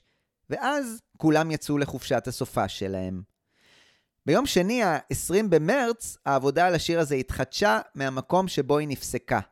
ההתחבטות באיזה טייק להשתמש. היה קשה להחליט, ולכן השלב הבא היה לעשות לשניהם גרסאות reduction, כדי לפנות מקום לערוצי ה vocals. כדי שיהיה ממה לבחור, נעשו שלוש גרסאות reduction לטייק אחד, וגרסת reduction אחת לטייק 6. לבסוף, נבחרה הגרסה השלישית של ה-reduction עבור טייק אחד. מה שבעצם אומר שאחרי ניסיון יחיד ביום העבודה הקודם, נגני הכלי המיתר יכלו להתפזר הביתה, ושמקארטני יחזיק אותם ללא שום סיבה טובה באולפן עד חצות. טוב, אה, מה שקרה קרה, ועכשיו המטרה הייתה להשלים את הקטע הזה סופית. ומכיוון שכולו היה על טהרת כלי המיתר, כמו באלינור ריגבי, בעצם נותר רק להקליט את הקולות. את ההקלטה של הקולות הראשי של פול והליווי של ג'ון הוחלט להקליט יחדיו. ג'ון ופול התיישבו על כיסאות גבוהים באמצע האולפן, אחד מול השני, האורות עומעמו, ופול תיאר את זה בספר הליריקות החדש שלו באופן מאוד יפה. זה היה כמו תסריט של The Wednesday Play, אותה אה, תוכנית טלוויזיה שהתנהלה כמו מחזה קטן. מצד אחד יש לנו את המספרת, ואז יש כמה אנשים באור הזרקורים. מיני מקהלה יוונית שנכנסים ויוצאים. אני לא בטוח אם אפשר לכתוב שיר כזה בימינו, אז אולי לנון ומקארטני כן כתבו מחזה מוזיקלי בכל זאת. אה, מקארטני ככל הנראה מכוון לפרק מאוד ספציפי בתוכנית הטלוויזיה הזו, The Wednesday Play. הפרק הזה, או המחזה הזה, שנקרא Cathy Come Home, סיפר על קת'י, uh, שעזבה את בית הוריה בכפר, התאהבה ברג, הם התחתנו, ואז החיים היכו בהם, והם uh, הגיעו עד למצב שבו הם חיים בעוני ואין להם איפה לגור. הסיפור הטרגי של קת'י, שמצאה את עצמה בהיריון וללא שום אופק, השפיע גם הוא על מקארטני לכתוב מחזה שכזה. אגב, לדעתי, הפרק הזה של The Wednesday Play, קת'י Come Home, לא השפיע רק על מקארטני, אלא גם על ריי דייוויס, לכתוב שיר מופלא בשם Situation Vacant, מתוך uh, אלבום מופלא של הקינגס בשם Something Else. שיר שמדבר פחות או יותר על התסריט של הפרק הזה. חזרה לאולפן ב-20 במרץ. אנחנו יושבים יחד עם ג'ון ופול במרכז האולפן, האורות מעומעמים, וסרט ההקלטה מתחיל לרוץ, כשהפלייבק משמיע את טייק אחד של כלי המיתר, כשהם מואצים מעט. פול התעקש שבפזמון היווני הם יקליטו כל קול פעמיים, ללא ADT, כדי שזה יישמע כמו מקהלה של ארבע קולות. Wednesday morning at five o'clock as the day begins. Silently closing her bedroom door. Leaving the note that she hoped would say more, she goes downstairs to the kitchen, clutching her handkerchief. Quietly turning the back door key, stepping outside, she is free. She we gave her most of our lives is leaving sacrificed most of our lives we gave her everything money could buy she's leaving home after living alone for so many years כשהסתיימה ההקלטה של הקולות, קן סקוט התחיל לעבוד הישר על מיקס המונו של השיר, ועדיין פול חיפש מה עוד אפשר לעשות עם השיר הזה. ההצעה שלו להכפיל את הערוץ של הנבל בעזרת ה-ADT ירדה מהפרק, ובסופו של דבר, הפשרה הייתה להוסיף אקו לנבל שפותח את השיר. כשנגנית הנבל שילה ברומברג שמעה את התוצאה הסופית עם ההד על הנבל שלה, היא אמרה, נדמה לי שזה הצליל שפול חיפש בהקלטה. ההקלטה של הקולות של ג'ון ופול בוצעה על סליל שהסתובב קצת יותר מהר, מה שאומר שכשמשמיעים אותו במהירות רגילה, זה נשמע יותר איטי. ולכן מיקס המונו הואץ מעט כדי שג'ון ופול יישמעו באופן יותר נורמלי. חודש מאוחר יותר, כשריצ'רד לש עבד על מיקס הסטריאו, הוא שכח להאיץ אותו, ולכן יש הבדל מהותי במהירות של השיר הזה בין גרסת הסטריאו לבין גרסת המונו. ואנחנו, הדור שדחפו לו במרכאות את הסטריאו, מכירים את השיר הזה בגרסה האיטית שלו, ולא כמו שהתכוונו שנאזין לו. ב-2017, בקופסת ה-50, או קופסת הדלוקס לאלבום סארג'נט פפר, ג'יילס מרטין תיקן את המעוות והאיץ את מיקס הסטריאו החדש שהוא יצר ל- She's Leaving Home. כדי שהוא ישתלב באלבום כפי שהיה מתוכנן. לפני שאני עובר לשיר הבא, אני רוצה לדבר רגע על השורה שאני הכי אוהב בשיר. Something inside that was always denied for so many years. משהו בפנים שהיה תמיד מודחק, או אה, מוכחש יותר נכון, במשך שנים. גם אתם מרגישים כאילו שג'ון ופול שרים את זה בעצם על עצמם? She What did we do that was wrong? Is heaven? We didn't know it was wrong. Fun is the one thing that money can't buy. Something inside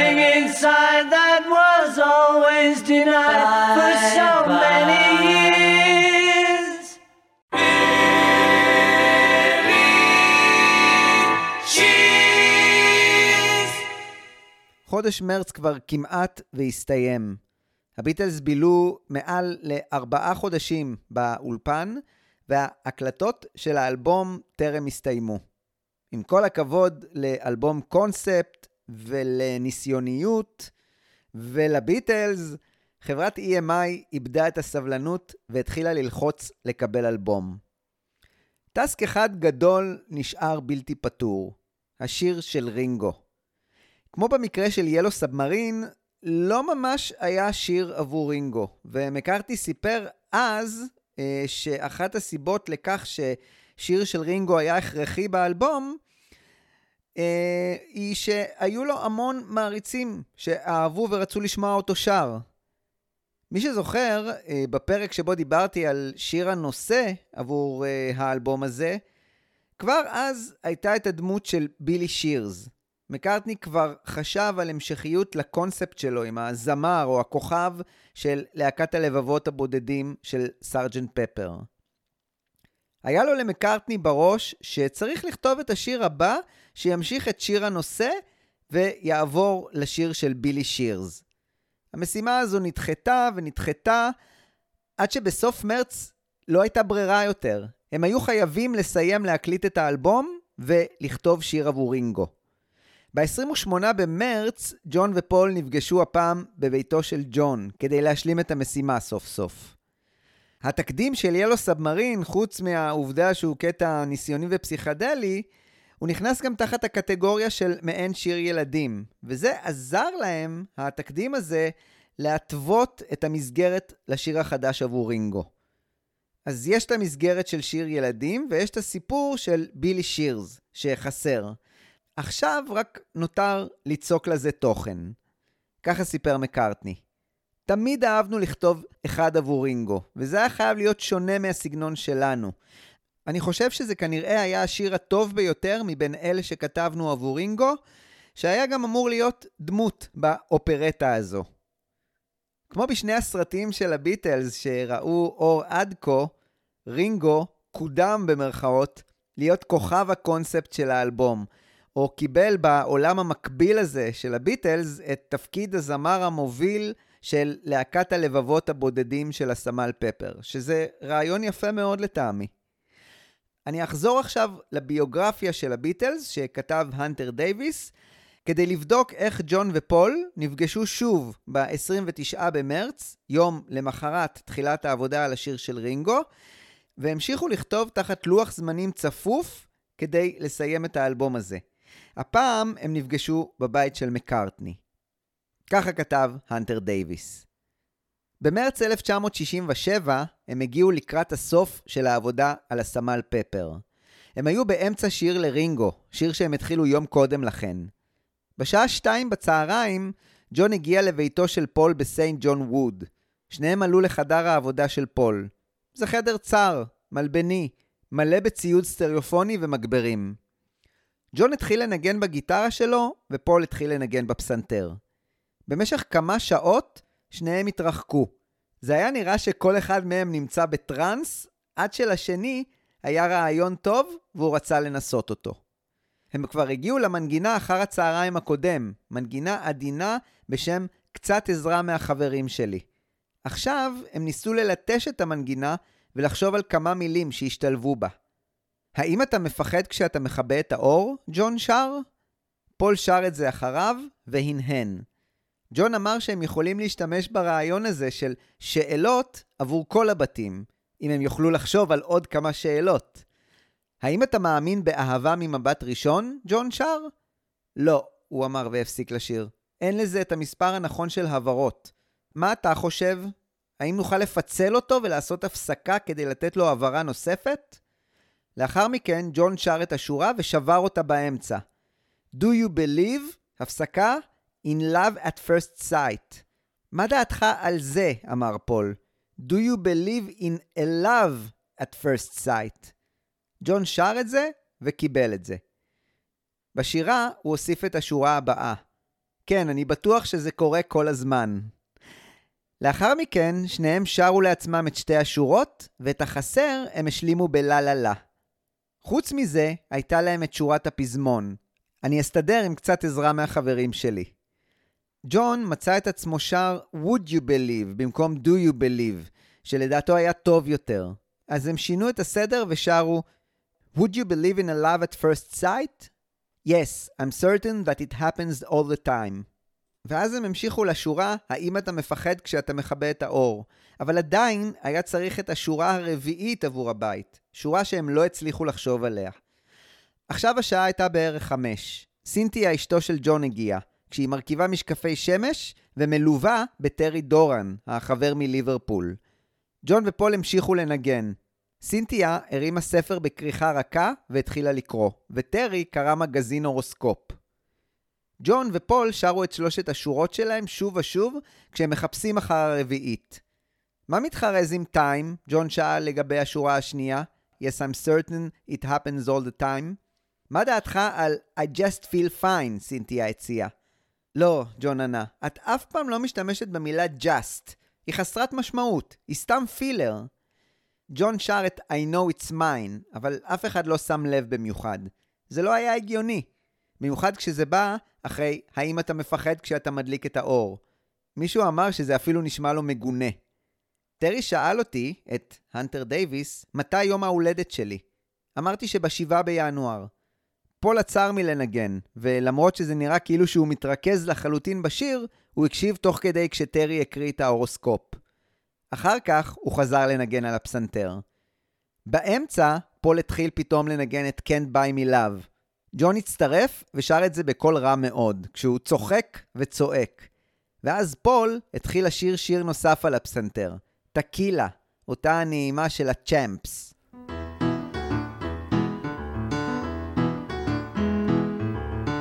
שניהם הצטרפו שוב, צועקים וצווחים עוד יותר חזק.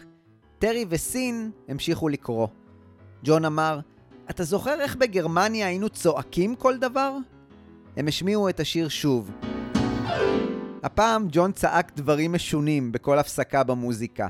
ניקרס, הדוכס מאדינברו, טיט וגם היטלר.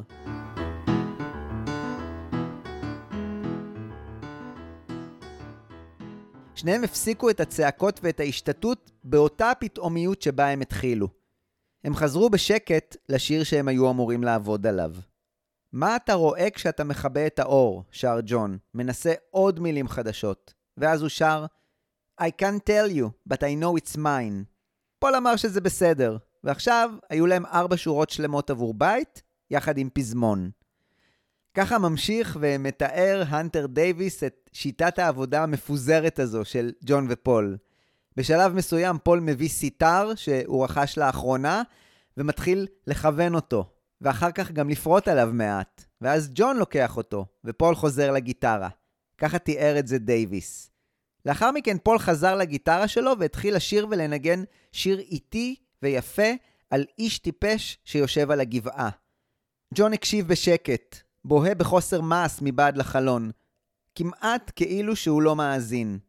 פול שר את זה פעמים רבות, עם לה לה לה, שהחליפו מילים שהוא עדיין לא כתב. כשהוא סוף סוף סיים, ג'ון אמר שעדיף שיכתוב את המילים כדי שלא ישכח מהם. פול אמר לו שזה בסדר, הוא לא ישכח אותם. זו הייתה הפעם הראשונה שפול ניגן את השיר הזה עבור ג'ון. השעה התקרבה לשבע. הם החליטו לצלצל לרינגו כדי לספר לו שכתיבת השיר שלו הסתיימה, מה שלא באמת קרה, ושהערב הם יקליטו אותו. ג'ון הרים את הטלפון, ולבסוף חייג, אבל הקו של רינגו היה תפוס. אם אחכה, אז בסופו של דבר השיחה תתחבר אל רינגו? לא, אתה צריך לנתק, פול ענה לו. בגלל העיכוב בבית של מקארטני עם כתיבת השיר, כולם הגיעו לאולפן מאוחר יותר ממה שתוכנן. ככה סיפר ג'ף אמריק. למרות השעה המאוחרת, הם היו די ערניים, ואחרי שהם צרכו כמה כוסות תה, הם היו מוכנים לעבוד. לבקינג טרק שהקלטנו היה ניצוץ, ורינגו שהיה מלא השראה, היכה בתופי הטומטום כמו שצריך.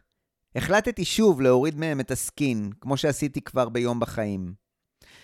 לאחר עשרה ניסיונות, היה להם את ה backing track שבו פול ניגן על הפסנתר, רינגו בתופים, הריסון על גיטרה חשמלית, וג'ון הסתפק בלהקיש על פעמון הפרה. אה, ועוד מישהו, ג'ורג' מרטין, שניגן על ההמונד, שפתח את השיר והציג את בילי שירס.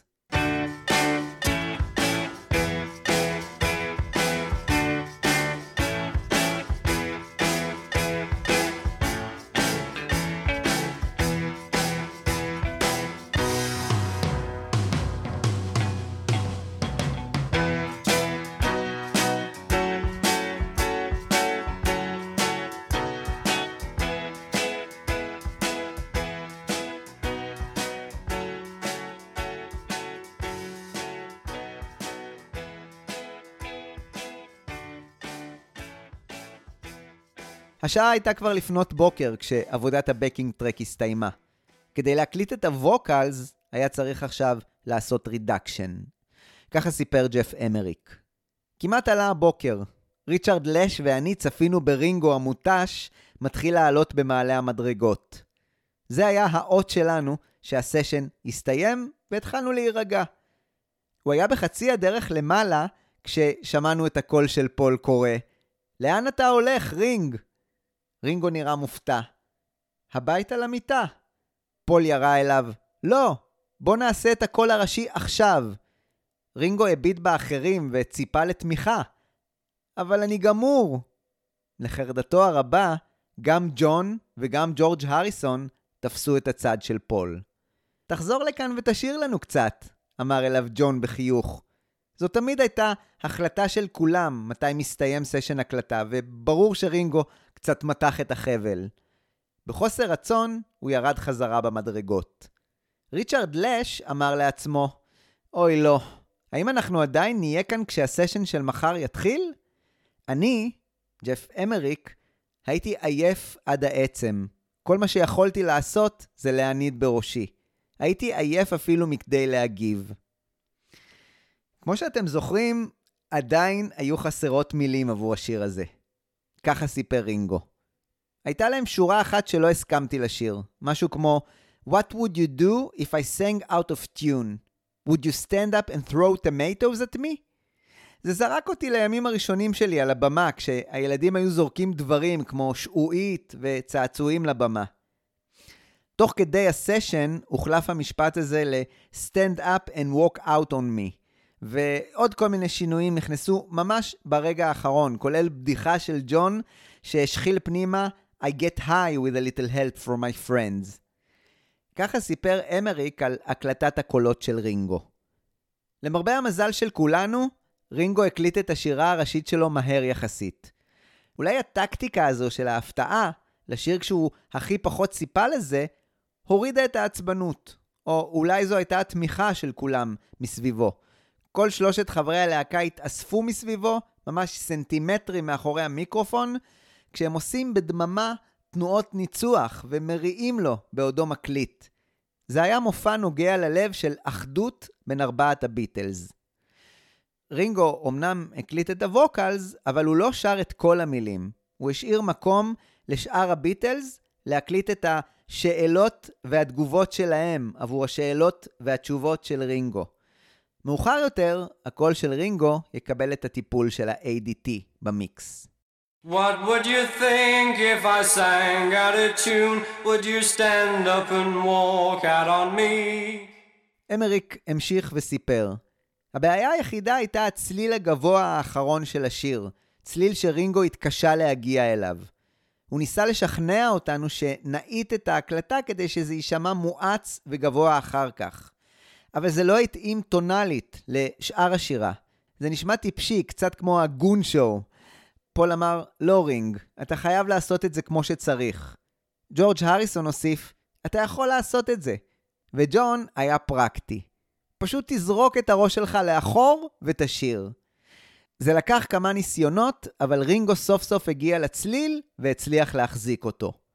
בין התרועות של חבריו ללהקה, יחד עם הרמת כוסית של וויסקי וקולה, הסשן סוף סוף הסתיים. Yes, I get by with a little help from my friends, with a little help from my friends. כשהסשן הסתיים, היום הזה, שכבר החל, ה-30 במרץ 1967, היה יום מרגש מאוד. אחרי שחברי הביטלס ינוחו מעט, הם יגיעו לסטודיו של הצלם מייקל קופר, כדי לצלם את אחת מעטיפות האלבומים הכי אייקוניות שיש, שבנה ועיצב פיטר בלייק. אני אסתכן בלומר, אולי האייקונית ביותר של המוזיקה הפופולרית. על העטיפה ועל הצילום שלה ביום המאוד מאוד מרגש הזה, אני אדבר בפרק הבא.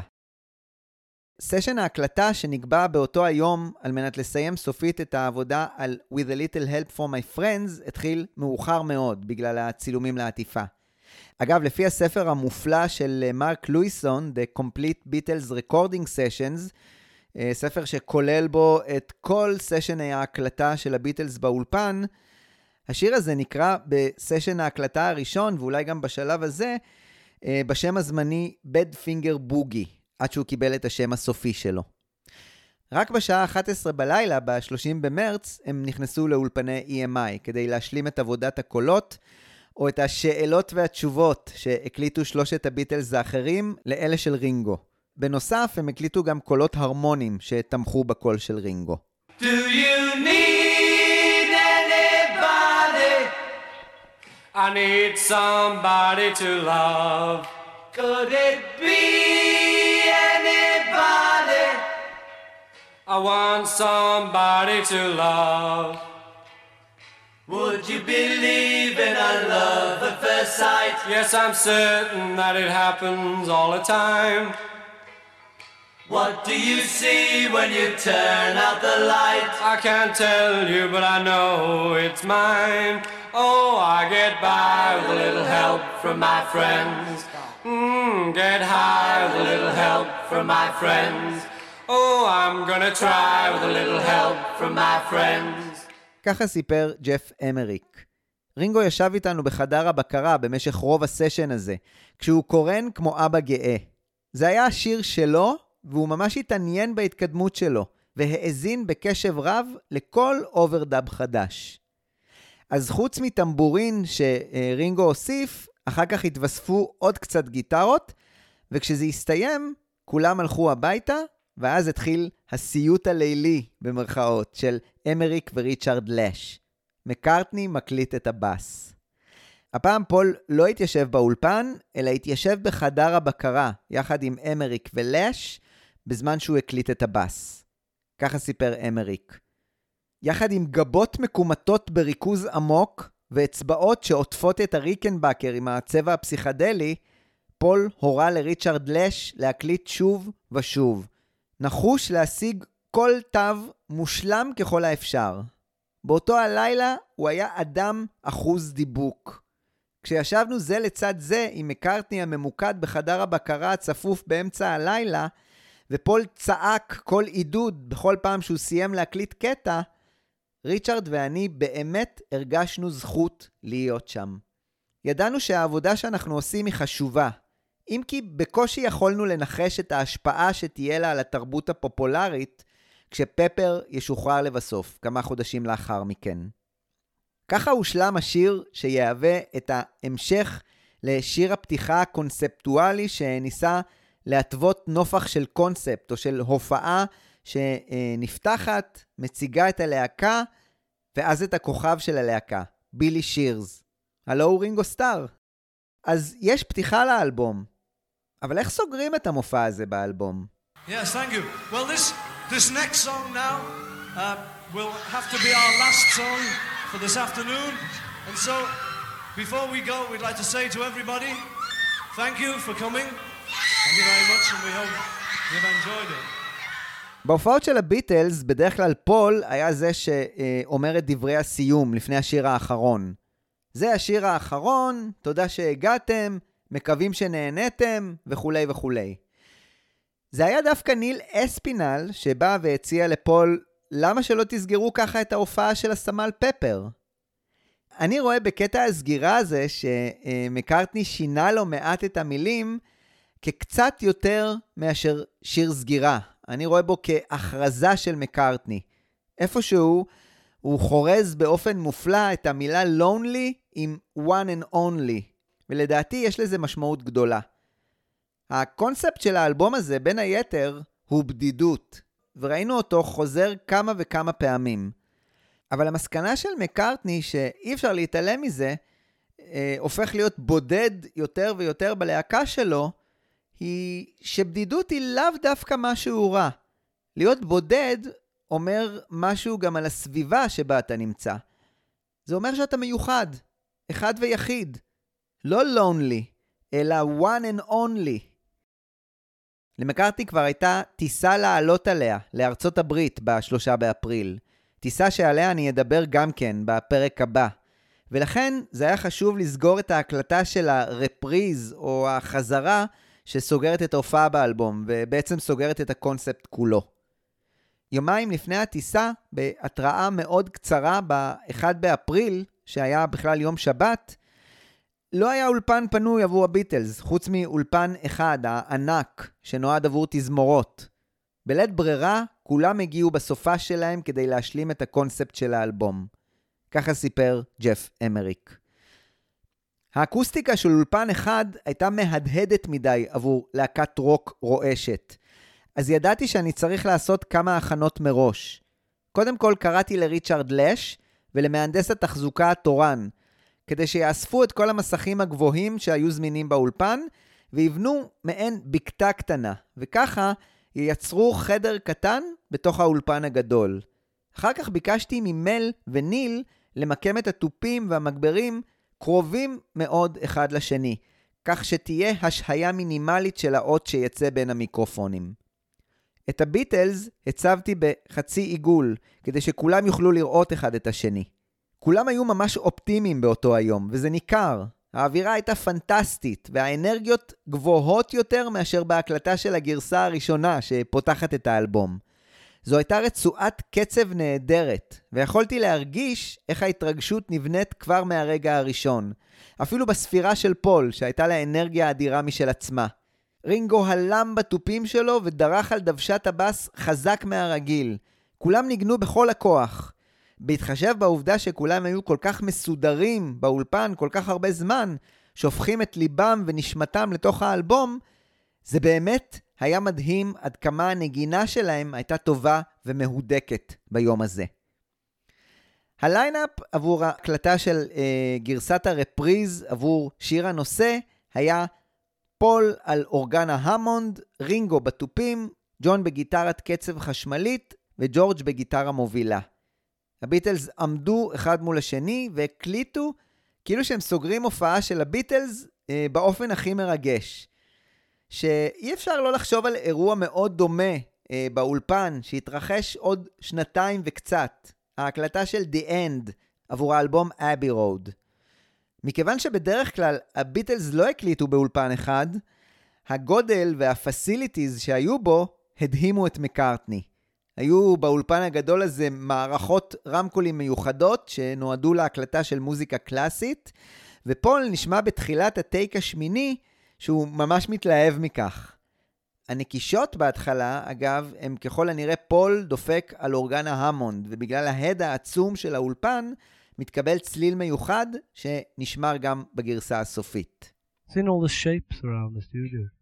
And all those bubbles there, the bumps there. Okay. Keep the bass drum. It's it's Ringo. It's because you're listening to me singing. I'll stop singing, man. You know. Okay. One, two, three, four.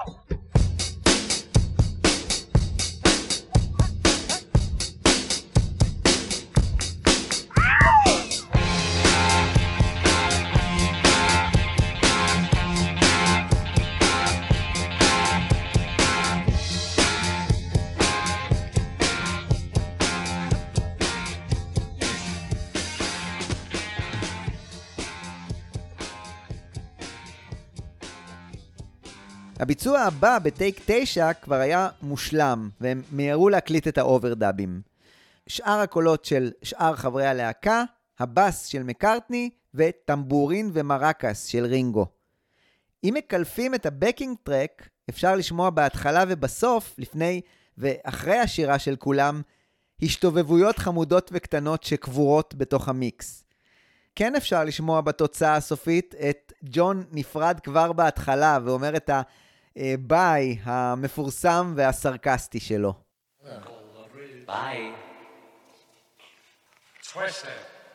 What? Twisted. Ah. Shake it. Well, Sergeant Pepper's Lonely Hearts Club Band, we hope you have enjoyed the show. Sergeant Pepper's Lonely Hearts Club Band, We're sorry, but it's time to go. Sergeant Pepper's lonely, Sergeant Pepper's lonely, Sergeant Pepper's lonely, Sergeant Pepper's lonely, Sergeant Pepper's lonely. כדי להראות על קוהרנטיות, במיקס הסופי שולבו לאורך הקטע הקלטות מספריית האפקטים שנעשו בהם שימוש עבור שיר הנושא. קולות התזמורת, רחשי קהל, צחוקים ומחיאות כפיים. הם פוזרו קצת בהתחלה, באמצע ובסוף, וזה נראה שלא הייתה יותר מדי מחשבה מאחורי זה. פשוט לקחת את מה שעשו בו שימוש בשיר הנושא ולסגור את המופע הזה.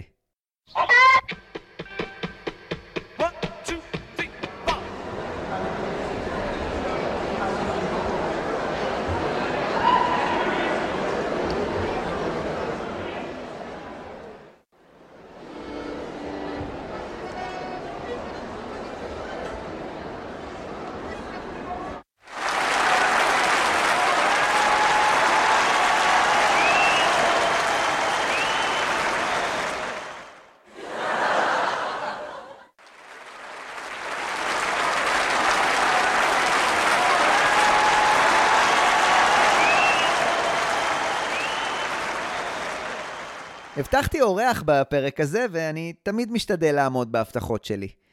רגע לפני כן, אני רוצה לספר לכם על ההקלטה האחרונה בהחלט של הביטלס עבור האלבום הזה.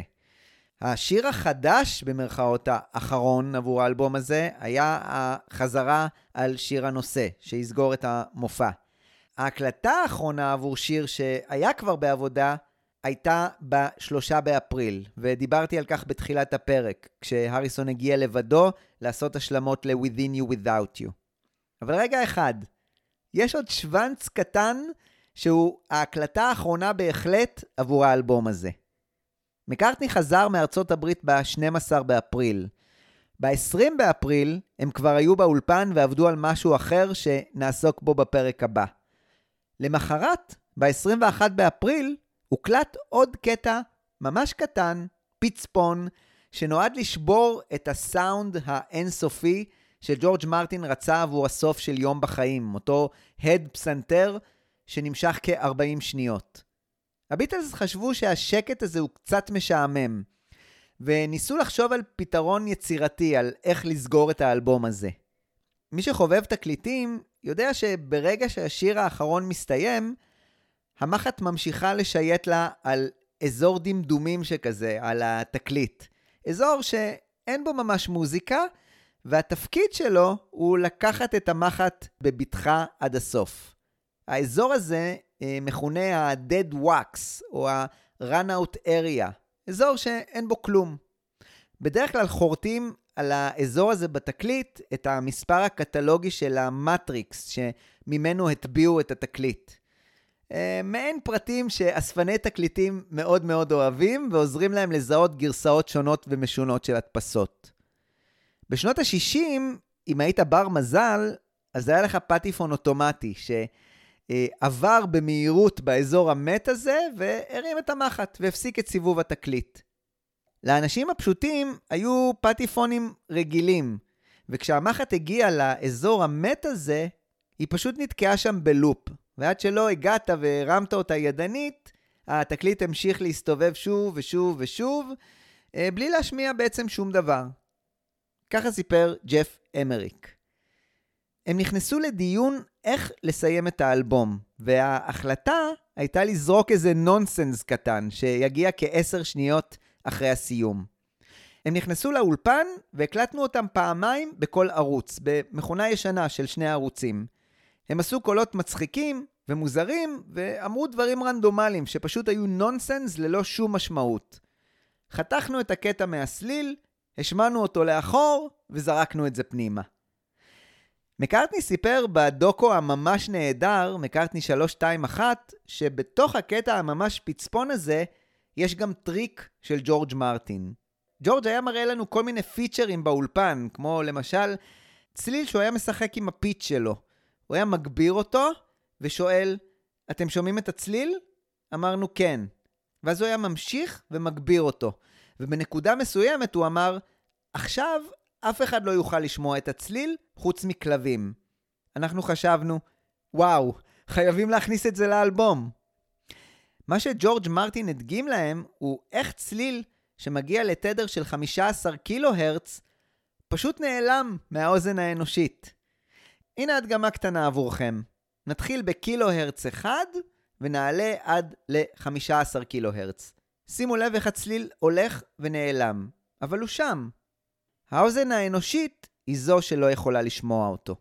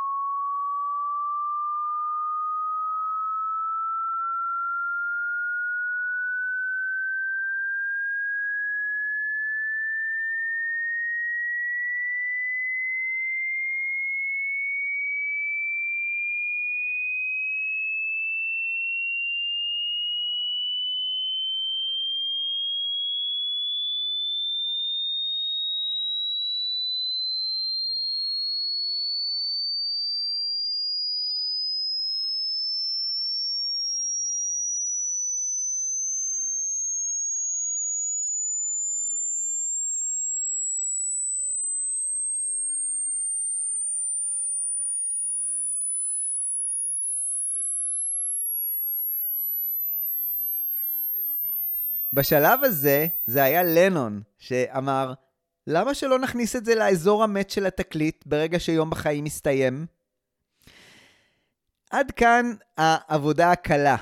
אבל מי שהיה צריך להתעסק עם יצירת האומנות הזו, התדר הבלתי נשמע הזה והנונסנס של הביטלס, היה הארי מוס, שקיבל לידיו את מקסי המונו והסטריאו, שעבדו עליהם טכנאי האולפן, ועשה את עבודת הכנת המאסטר. זה השלב החשוב לא פחות, שבו מייצרים את המאסטר הסופי, שמכיל את כל הקטעים וישמש עבור הדפסה של עותקי הוויניל. על המאסטר עצמו, שעשוי ממתכת, נחרטים הטרקים, וממנו, כאמור, מטביעים את התקליטים. אמריק המשיך לספר. זה לקח להארי מוס שמונה ניסיונות להשיג את המטרה ולמקם את הקטע הקטנטן הזה במקום הנכון. הארי מוס הרחיב. במקרה של פפר לא יכולתי לבדוק את התוצאה. הייתי חייב להמתין עד להדפסה ולהדבקה של הלייבלים כדי לדעת האם זה הצליח. קיללתי כשג'ורג' מרטין ביקש ממני לעשות את המשימה הזו, ואמרתי, זה עומד להיות בלאדי מוזר, ג'ורג', אבל אני אנסה.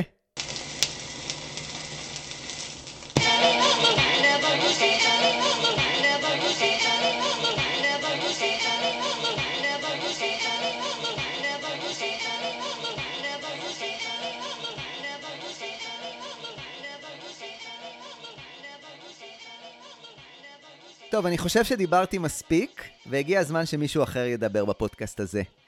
אני שמח וגאה לארח בשיחה טרנס-אטלנטית ביטלמניק שהוא uh, מורה למוזיקה, מלחין, מעבד, מוביל את האנסמבל Madison Mystery Tour, שיחד הם מבצעים את כל הקטלוג של הביטלס במדויק על הבמה, גם עם תזמורת.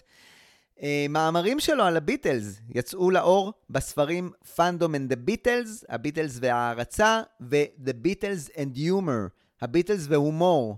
ובנוסף, הוא הציג עבודות בכנסים אקדמיים על הביטלס באוניברסיטאות בארצות הברית. יחד עם כל הטוב המרשים הזה, הוא גם ישראלי שגר במקור בתל אביב, וכיום חי במדיסון ארצות הברית. שלום אביב קמאי.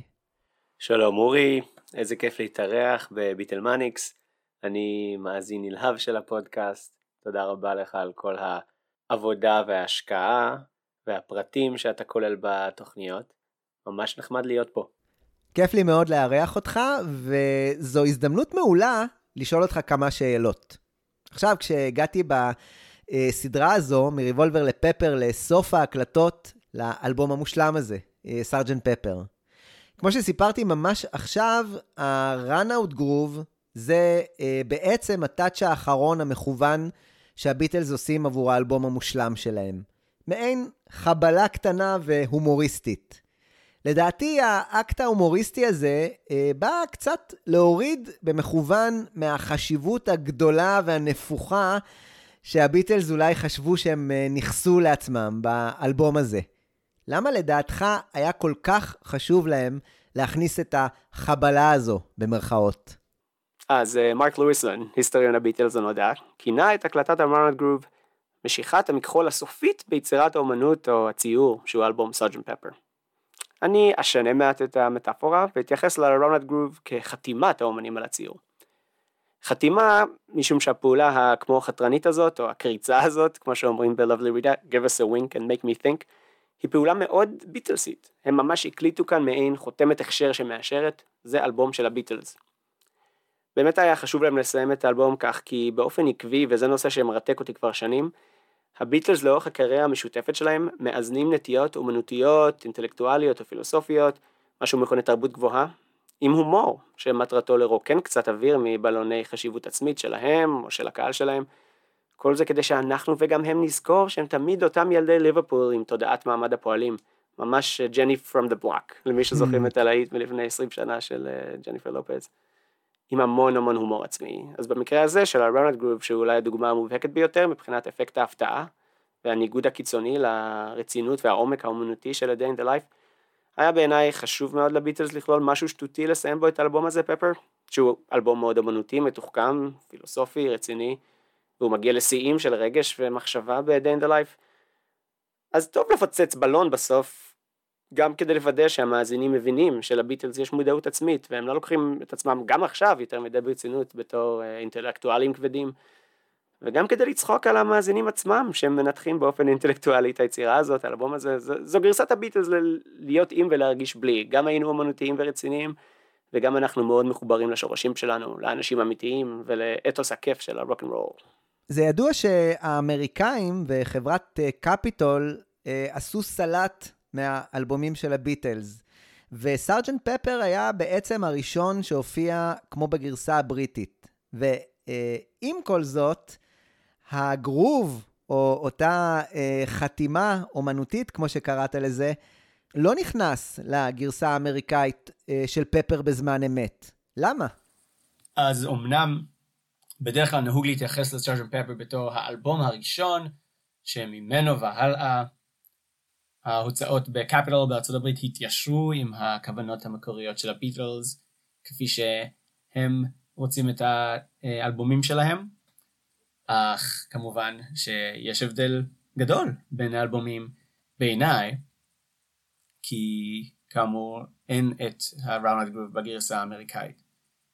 אה, לפני כמה ימים שוחחתי על זה עם ברוס ספייזר, שלמי שלא מכיר הוא חיבר לא מעט ספרים על תקליטי הביטלס במיוחד בארצות הברית, במיוחד ספרים שבמיוחד עוסקים בהוצאות האמריקאיות של תקליטי הביטלס, והוא משער שעקב השיטות הטכניות השונות של הדפסת תקליטים פיזיים והכנת תקליטי M uh, בין קפיטל לבין EMI, הכנסת חומר אודיו לרונלד גרוב על ידי קפיטל הייתה דורשת עבודה רבה רבה הרבה יותר של טכנאים לעומת התהליך ב-EMI שנעשה על ידי הרי מאס הטכנאי, אה, שהיה צריך אמנם לנסות אני חושב שמונה פעמים, אבל בסוף הוא הצליח להכין את אה, תקליטי ה-M. בקפיטל התהליך הטכני הוא שונה והיה דורש יותר עבודה, ולכן הם ויתרו על התענוג. שזה כמובן מעניין מהרבה סיבות, זה ממשיך את המסורת במרכאות של חברת קפיטל לשלוט בסיפור, לשלוט באיך שהביטלס מוצגים בארצות הברית לעומת איך שהם מציגים את עצמם בבריטניה ולהחליט עבורם החלטות אומנותיות כמו לא לכלול את הראנד באלבום למשל. אמנם זו החלטה פחות מפורסמת אולי והרבה יותר מפורסמות ההחלטות שלהן שהובילו לאלבומים השונים במיוחד בשנים 64 ו-65 אה,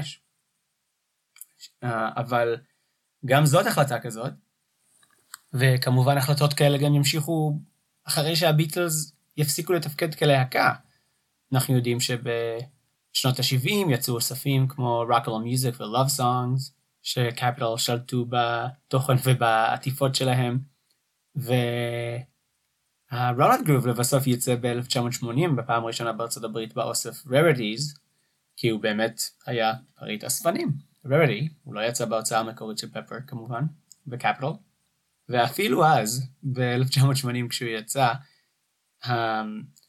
אפקט ההפתעה בעצם נוטרל, כי קפיטל החליטו גם לכתוב על העטיפה של התקליט את ה... שיהיה את ה-run groove בתור track, והוא אכן הופיע פשוט על התקליט עצמו בתור track, ולא ממש ב... run groove של הוויניל. נכון. הוא מופיע כ track האחרון בתקליט, והוא ממש קיבל שם, Sgt. Pepper Inner Groove. האם הביטלס היו הראשונים לנצל את המרווח הזה בסיום תקליט הוויניל כדי לשתול בו מסרים?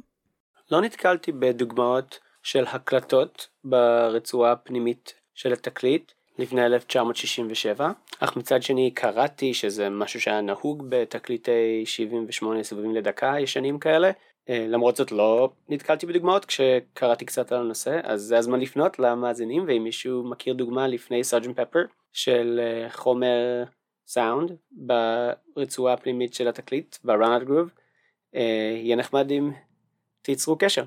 כן יש היסטוריה של מסרים ויזואליים בין אם אה, החתימות של אה, מי שביצע את המאסטרינג של התקליט, שבעצם הכנת התקליט הפיזי, ובין אם uh, עוד ציורים או משפטים שכתובים ברצועה הפנימית הזאת. אחרי סארג'נט פפר יש יותר ויותר דוגמאות של גם הקלטות אודיו באזור הזה של התקליט מפינק פלויד, אבא ועוד רבים וטובים. כשהמטרה היא ליצור לולאה בעצם, אם המחט לא חוזרת באופן אוטומטי, כשהיא מגיעה לאזור הזה של התקליט, אז אה, היא נוצרת לולאת סאונד, וזו דרך מעניינת לסיים צד של תקליט. אז גם כאן הביטלס בעצם אה, פרצו את הדרך. עבורי אחד הדברים, אה, חוץ מהמוזיקה כמובן, שכבשו אותי בביטלס, היה קודם כל ההומור והיכולת להתייחס באופן קליל ושובה לב לדברים. ממש עכשיו אה, ראה אור ספר מסקרן מאוד, שעוסק בהומור של הביטלס, שאתה לקחת בו חלק. אני אשמח אם תסביר את שפת ההומור הכובשת הזו, אה, לא רק אותי, של הביטלס, ואולי כמורה למוזיקה, לתת אה, דוגמאות לטוויקים הומוריסטיים קטנים שנכנסו לאלבומים לאורך הקריירה של הביטלס, שבהם הם במרכאות קצת גיחכו על עצמם, או שתלו אה, בדיחות שאולי לפעמים אפילו לא שמנו לב אליהם. כן, ספר חדש, The Beatles in Humor, בהוצאת בלומסברי, תרמתי לו פרק שנקרא Diffuse, Dilute, Deflate, The Beatles, Turn it on and Laugh it off. ושם אני מראה על ידי דוגמאות רבות כיצד הביטלס משתמשים בהומור עצמי כדי קצת לערער על הנטיות האינטלקטואליות שלהם, כפי שה run groove של Sgt. Pepper מראה בצורה מאוד מובהקת. אני יכול להתחיל עם דוגמה מהקלטה מ-1962, מסוף 1962, ממועדון הסטאר קלאב בהמבורג. אה, אני משתמש בכמה דוגמאות מההקלטות האלה במאמר שלי. אחת שאני אוהב במיוחד היא מוזיקלית בעיקרה, כשהביטלס מסיימים את השיר A Taste of Honey, שיכול קצת להראות על אה, נטיות אומנותיות, קצת רציניות, הם פתאום שרים שיר מעט יותר רציני ועדין, ולא בועט, אה, מלטף. אז במקור, כפי שהביטלס יקליטו מאוחר יותר לאלבום Please Please Me, השיר מסתיים באקורד מז'ורי אה, של הטוניקה, כלומר, במקום לסיים בסולם המינורי, שבו השיר כתוב, האקורד האחרון הוא אקורד מז'ורי, שזה מעין קלישאה כזאת, נוהגים לקרוא לזה הטרצה פיקרדית. סיום כזה יכול לעורר מעין תחושות אופטימיות, או מעין חגיגה.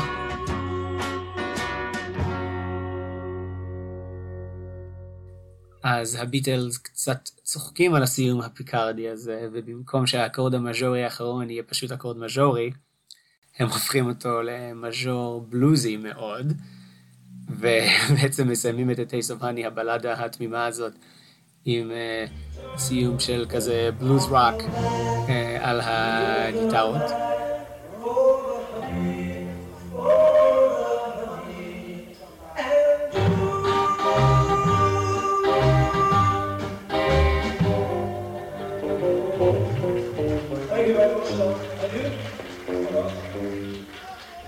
נהדר. וכאשר אנחנו עוסקים בפפר, חשוב כמובן גם לציין את uh, ה-cranberry sauce בסוף fields forever, מהמם. וכן את ה-finger pie בפני ליין בתור עוד דוגמאות מהתקופה הזאת של הומור שמנסה לנטרל מעט את הנטיות היותר רציניות ואומנותיות, כולל אה, גם ההקלטות הצחוקים בסוף Within You Without You, מהמם. וניתן לזה להוסיף כמובן את הרגע שבו ג'ון יוצא מהדמות של חבר בלהקתו של Sgt. Pepper ואומר bye bye, כן. בתור ג'ון ב Sgt. Pepper Reprise אולי צוחק על הקלישאתיות קצת בלחזור על המוטיב מההתחלה בשביל סיום הכאילו מופע של אה, להקת סרג'ן פפר.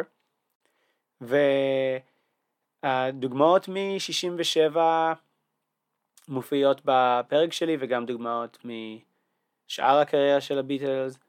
לא כל הדוגמאות שאספתי במחקר שלי נכנסו מאמר מפאת קוצר היריעה, אבל אה, הרבה מאוד מהן שם, ושמתי לב שיש בעצם שלושה סוגים עיקריים מבחינת העיתוי של, ה...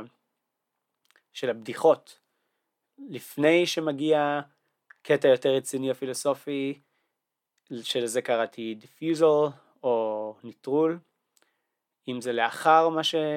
לאחר שמופיע הקטע הרציני, לזה קראתי deflation, כלומר אפשר להקביל את זה להוצאת אוויר מבלון, ואם זה קורה תוך כדי, אז dilution שזה דילול.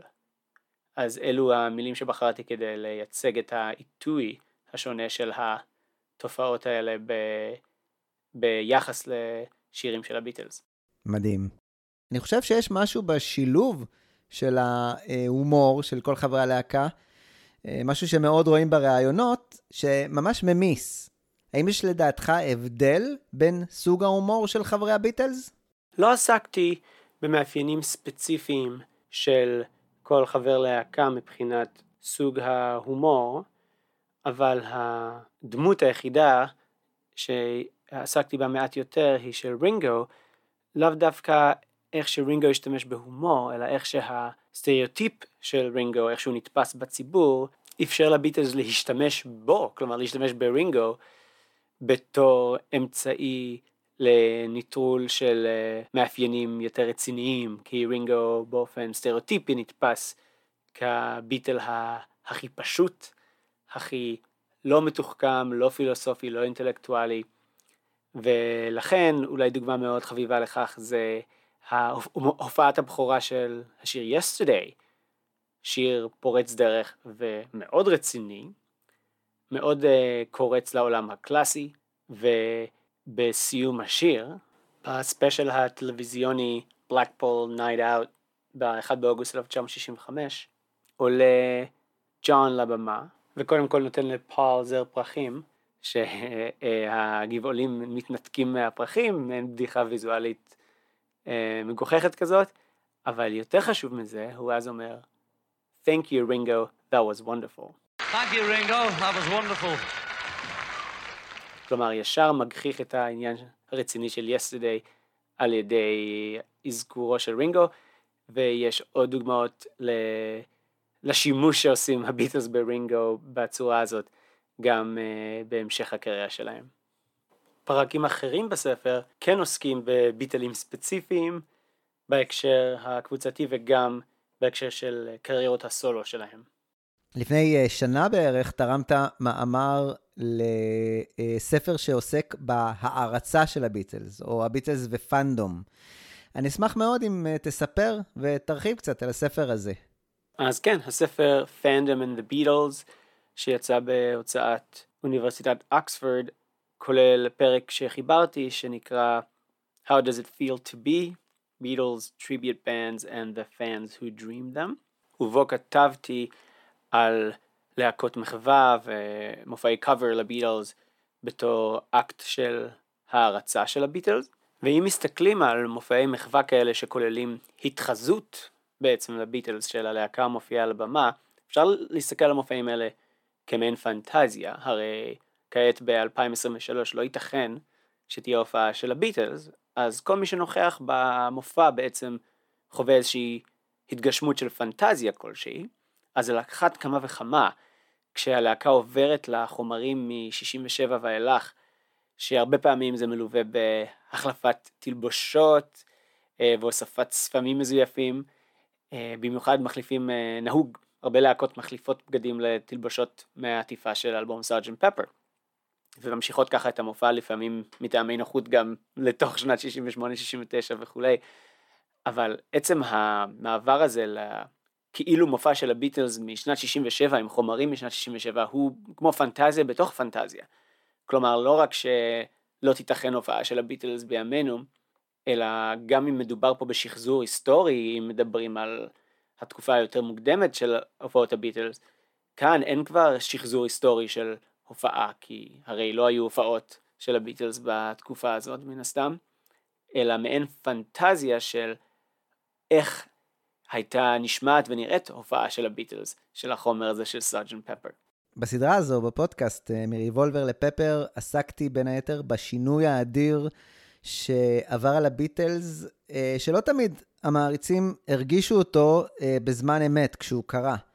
איך לדעתך המעריצים של הלהקה קיבלו את השינוי המסיבי הזה שעבר על הביטלס עם ההוצאה של האלבום Sgt. Pepper? כמובן שאסור לשכוח שעם כל הייחודיות של הביטלס, שכמובן עד היום הם תופעה שבעיניי היא ייחודית לחלוטין, אם לא רק במוזיקה, אפשר אולי להסתכל על זה גם בתור תופעה ייחודית בכלל בתרבות הפופולרית, אבל שמים את כל זה בצד רגע, צריך לזכור שבחלק המאוחר של שנות ה-60, הם, הביטלס כבר נחשבו להקה אחת מתוך הרבה להקות חשובות בתקופה הזאת. אז גם אם בתקופה הזאת מבחינת מעמד תרבותי הייתה להם יותר תחרות, נגיד את זה ככה, בקרב המעריצים, הם תמיד ידעו בפן האומנותי להמם את הקהל עם יצירות מדהימות וחדשניות שזכו להערצה לא רק מכוח אינרציה, אלא מכוח התוכן האומנותי שלהם, אה, מסארג'נט פפר ואילך כמובן עד אבי רוד ולייל בי. ושוב, בגדול, כמובן שתופעת ההערצה לביטלס השתנתה במהלך השנים, וכן היחס של הביטלס עצמם לאותה תופעה, הרי כידוע הם רצו להפסיק להופיע, הם לא אהבו את הבלגן סביבם, ואת איך שזה השפיע על החיים שלהם, ואת הקרבה הפיזית למעריצים. ואפשר לראות את זה גם בתמונות עטיפות האלבום שלהם, בעצם מ-Revolver עד אבי רוד, הביטלס לא נמצאים על העטיפות בצורה קונבנציונלית, הם סוג של מתחזים עם, עם, או מסתתרים. ב-Revolver מדובר בציורים ולא בתמונה עדכנית או חדשה. בסארג'נט פפר הם כמובן מסתתרים מאחורי תחפושות וספמים וכולי. Magical Mystery Tour, תחפושות, שוב. האלבום הלבן אין כלל תמונה על העטיפה, יש רמיזה, שזה הביטלס. ואפילו אלבום uh, Yellow Submarine, ציורים, שוב, של הביטלס, לא תמונה עדכנית. וגם אבי רוד עם התמונה המפורסמת אולי ביותר של הביטלס, לא כל כך רואים את הפנים שלהם בתמונה הזאת, קצת מהצד. נכון, הם מהצד. וכשכבר כן. סוף סוף רואים ב-Let It Be, זה אלבום בעצם שגם מבשר על הפירוק. כן. אז לא רק היחס של המעריצים אליהם השתנה במהלך השנים, אלא גם הנגישות והיחס של הביטלס למעריצים השתנה. נכון, היחס של הביטלס עצמם. Uh, עבדת עם קנת וומק בחלק מהספרים, ואחד הספרים המעולים שוומק כתב, לפחות לדעתי, הוא דווקא על ג'ורג' מרטין, אה, שהוא דמות מאוד חשובה בעולם הביטלס, אבל הוא דמות משנה, הוא לא אה, אחד מחברי הלהקה. והשנה אה, וומק מוציא את הספר המדובר על הדמות האניגמטית של מל אבנס, שמתבסס בין היתר על היומנים המסקרנים מאוד שלו. אני ממש מחכה לספר הזה. מה אתה יכול להוסיף על העבודה עם וומק באופן כללי, וגם על הספר המצופה שלו? כן, וומק. הוא מבריק וידען וחרוץ, וגם מאוד מאוד מצחיק. גם ההשתתפות הראשונה שלי באופן אישי בכנס אקדמי שעסק בביטלס, זה היה בכנס שהוא ארגן בשנת 2014. בכלל, אה, וומק יודע אה, לשחות היטב במים האקדמיים כמובן, אבל גם באזורי הערצת ביטלס כלליים יותר. מה ש... עוד אני אוהב בקשר לקם וומק זה הזרקור שהוא שם על שחקני המשנה, נקרא לזה ככה. בסיפור של הביטלס, כמובן בביוגרפיה מציין של ג'ורג' מרטין, וכן בספר שייצא בקרוב, בנובמבר, על מאל אבנס. ובנוסף לוומק, אם מדובר באנשי אקדמיה מעולים אחרים שחשוב uh, להמליץ על אה, העבודות שלהם והספרים שלהם למאזינים, אז אציין כמובן את ארין ובר, שהיא היסטוריונית שכתבה ספר מעולה ולא ארוך מדי שנקרא The Beatles and the Historians, שבעצם עוסק בביקורת על הנרטיבים הסטריאוטיפיים שנכתבו במהלך השנים על הביטלס. יש את קייטי קפורץ', חוקרת מאוניברסיטת טקסס סטייט, שמסתכלת הרבה מזוויות של מגדר.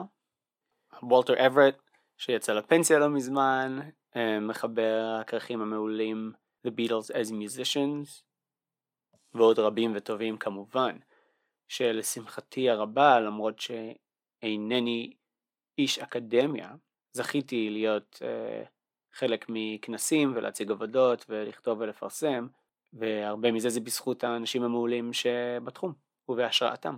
יש אחלה ספרות על הביטלס בתקופה שלנו. לגמרי. אני הזכרתי חוקרים אמריקאים, אבל יש אפילו ספרים. מפולין או פינלנד לדוגמה, מתורגמים או כתובים באנגלית, עם אה, מאמרים מצוינים. לוקה פרזי, האיטלקי, שעושה עבודת קודש על הקטלוג של מקארטני. וגם מישראל, ואפילו בעברית. מהמם. בכלל, אני אשמח אה, לעזור למאזינים שמעוניינים בעוד מידע והמלצות, אם זה מאמרים, מחקרים, ספרים, בהקשר של הביטלס, מכל מיני זוויות. תשמע, אביב, אנחנו יכולים לדבר שעות על גבי שעות, אבל uh, נשאיר קצת לפעם הבאה, שאני בטוח שתגיע. אז תודה רבה לך על הדברים האלה, אני למדתי המון. תודה רבה לך אורי, תענוג, תענוג להיות בביטלמניקס, תענוג פשוט לקשקש על הביטלס, והייתי שמח לעשות זה לעוד כמה שעות, אני בטח אמצא הזדמנות בהמשך היום. בינתיים, שוב תודה רבה, היה ממש ממש כיף. תודה ענקית לאביב קמאי המקסים. תודה לכם על ההאזנה לפרק המיוחד והמסכם של ההקלטות לאלבום המופלא והמושלם הזה, שאין מספיק סופרלטיבים בעולם עבורו. בפרק הבא בסדרה, הראשון שהוא פוסט ההקלטות לפפר, אני אדבר על צילום העטיפה האייקונית לאלבום האייקוני הזה, אה, בכל זאת, אירוע מכונן. בנוסף, נראה מה הביטלס מעוללים מיד לאחר תום ההקלטות של אלבום כל כך חשוב. רמז? הם לא נחים לרגע אחד. אני הייתי אורי קואז, זה הפודקאסט ביטלמניקס. תודה רבה לכם על ההאזנה. אני מאוד אשמח לשמוע אה, או לקרוא מה חשבתם על הסדרה עד כה, אה, או על החלק של Sgt. Pepper אה, בפרט. אתם יכולים לעשות את זה בפוסט בקבוצת הפייסבוק של ביטלמניקס, שאם לא הצטרפתם אליה, זה בדיוק הזמן. או לכתוב גם בספוטיפיי, שם אפשר לכתוב וגם להצביע לסקר שאני מעלה עבור כל פרק. כמובן, אל תשכחו לדרג את הפודקאסט בספוטיפיי, זה א', משמח, וב', עוזר לו להגיע לעוד מאזינים שאוהבים את הביטלס. אני מזכיר שיש גם את הבלוג של אה, ביטלמניקס, שמרכז בו באופן אה, ויזואלי, ידידותי, את כל המידע שאספתי לאורך השנים, ובטח אה, יעניין אתכם לקרוא על הביטלס. אתם מוזמנים להיכנס, לקרוא, לשוטט ולהצטרף גם ל mailing list שמעדכן על פעילות חדשה שיש בביטלמניקס. אותי אישית אתם יכולים לחפש בפייסבוק, בטוויטר, ב-threads, וגם לשלוח לי מייל לביטלמניקס בג'ימייל. תודה לכם, תודה לביטלס על האלבום המושלם הזה, תודה לאביב קמאי, ואנחנו נשתמע בפרק הבא. ביי ביי. Well, Sergeant Pepper's Lonely Hearts Club Band, we hope you have enjoyed the show. Sergeant Pepper's Lonely Hearts Club Band, we're sorry, but it's time to go. Sergeant Pepper's lonely, Sergeant Pepper's lonely, Sergeant Pepper's lonely, Sergeant Pepper's lonely, Sergeant Pepper's lonely Hearts Club Band. We'd like to thank you once again. Sergeant Pepper's one and only Lonely Hearts Club Band. It's getting very near the end. Sergeant Pepper's lonely, Sergeant Pepper's lonely, Sergeant Pepper's lonely heart.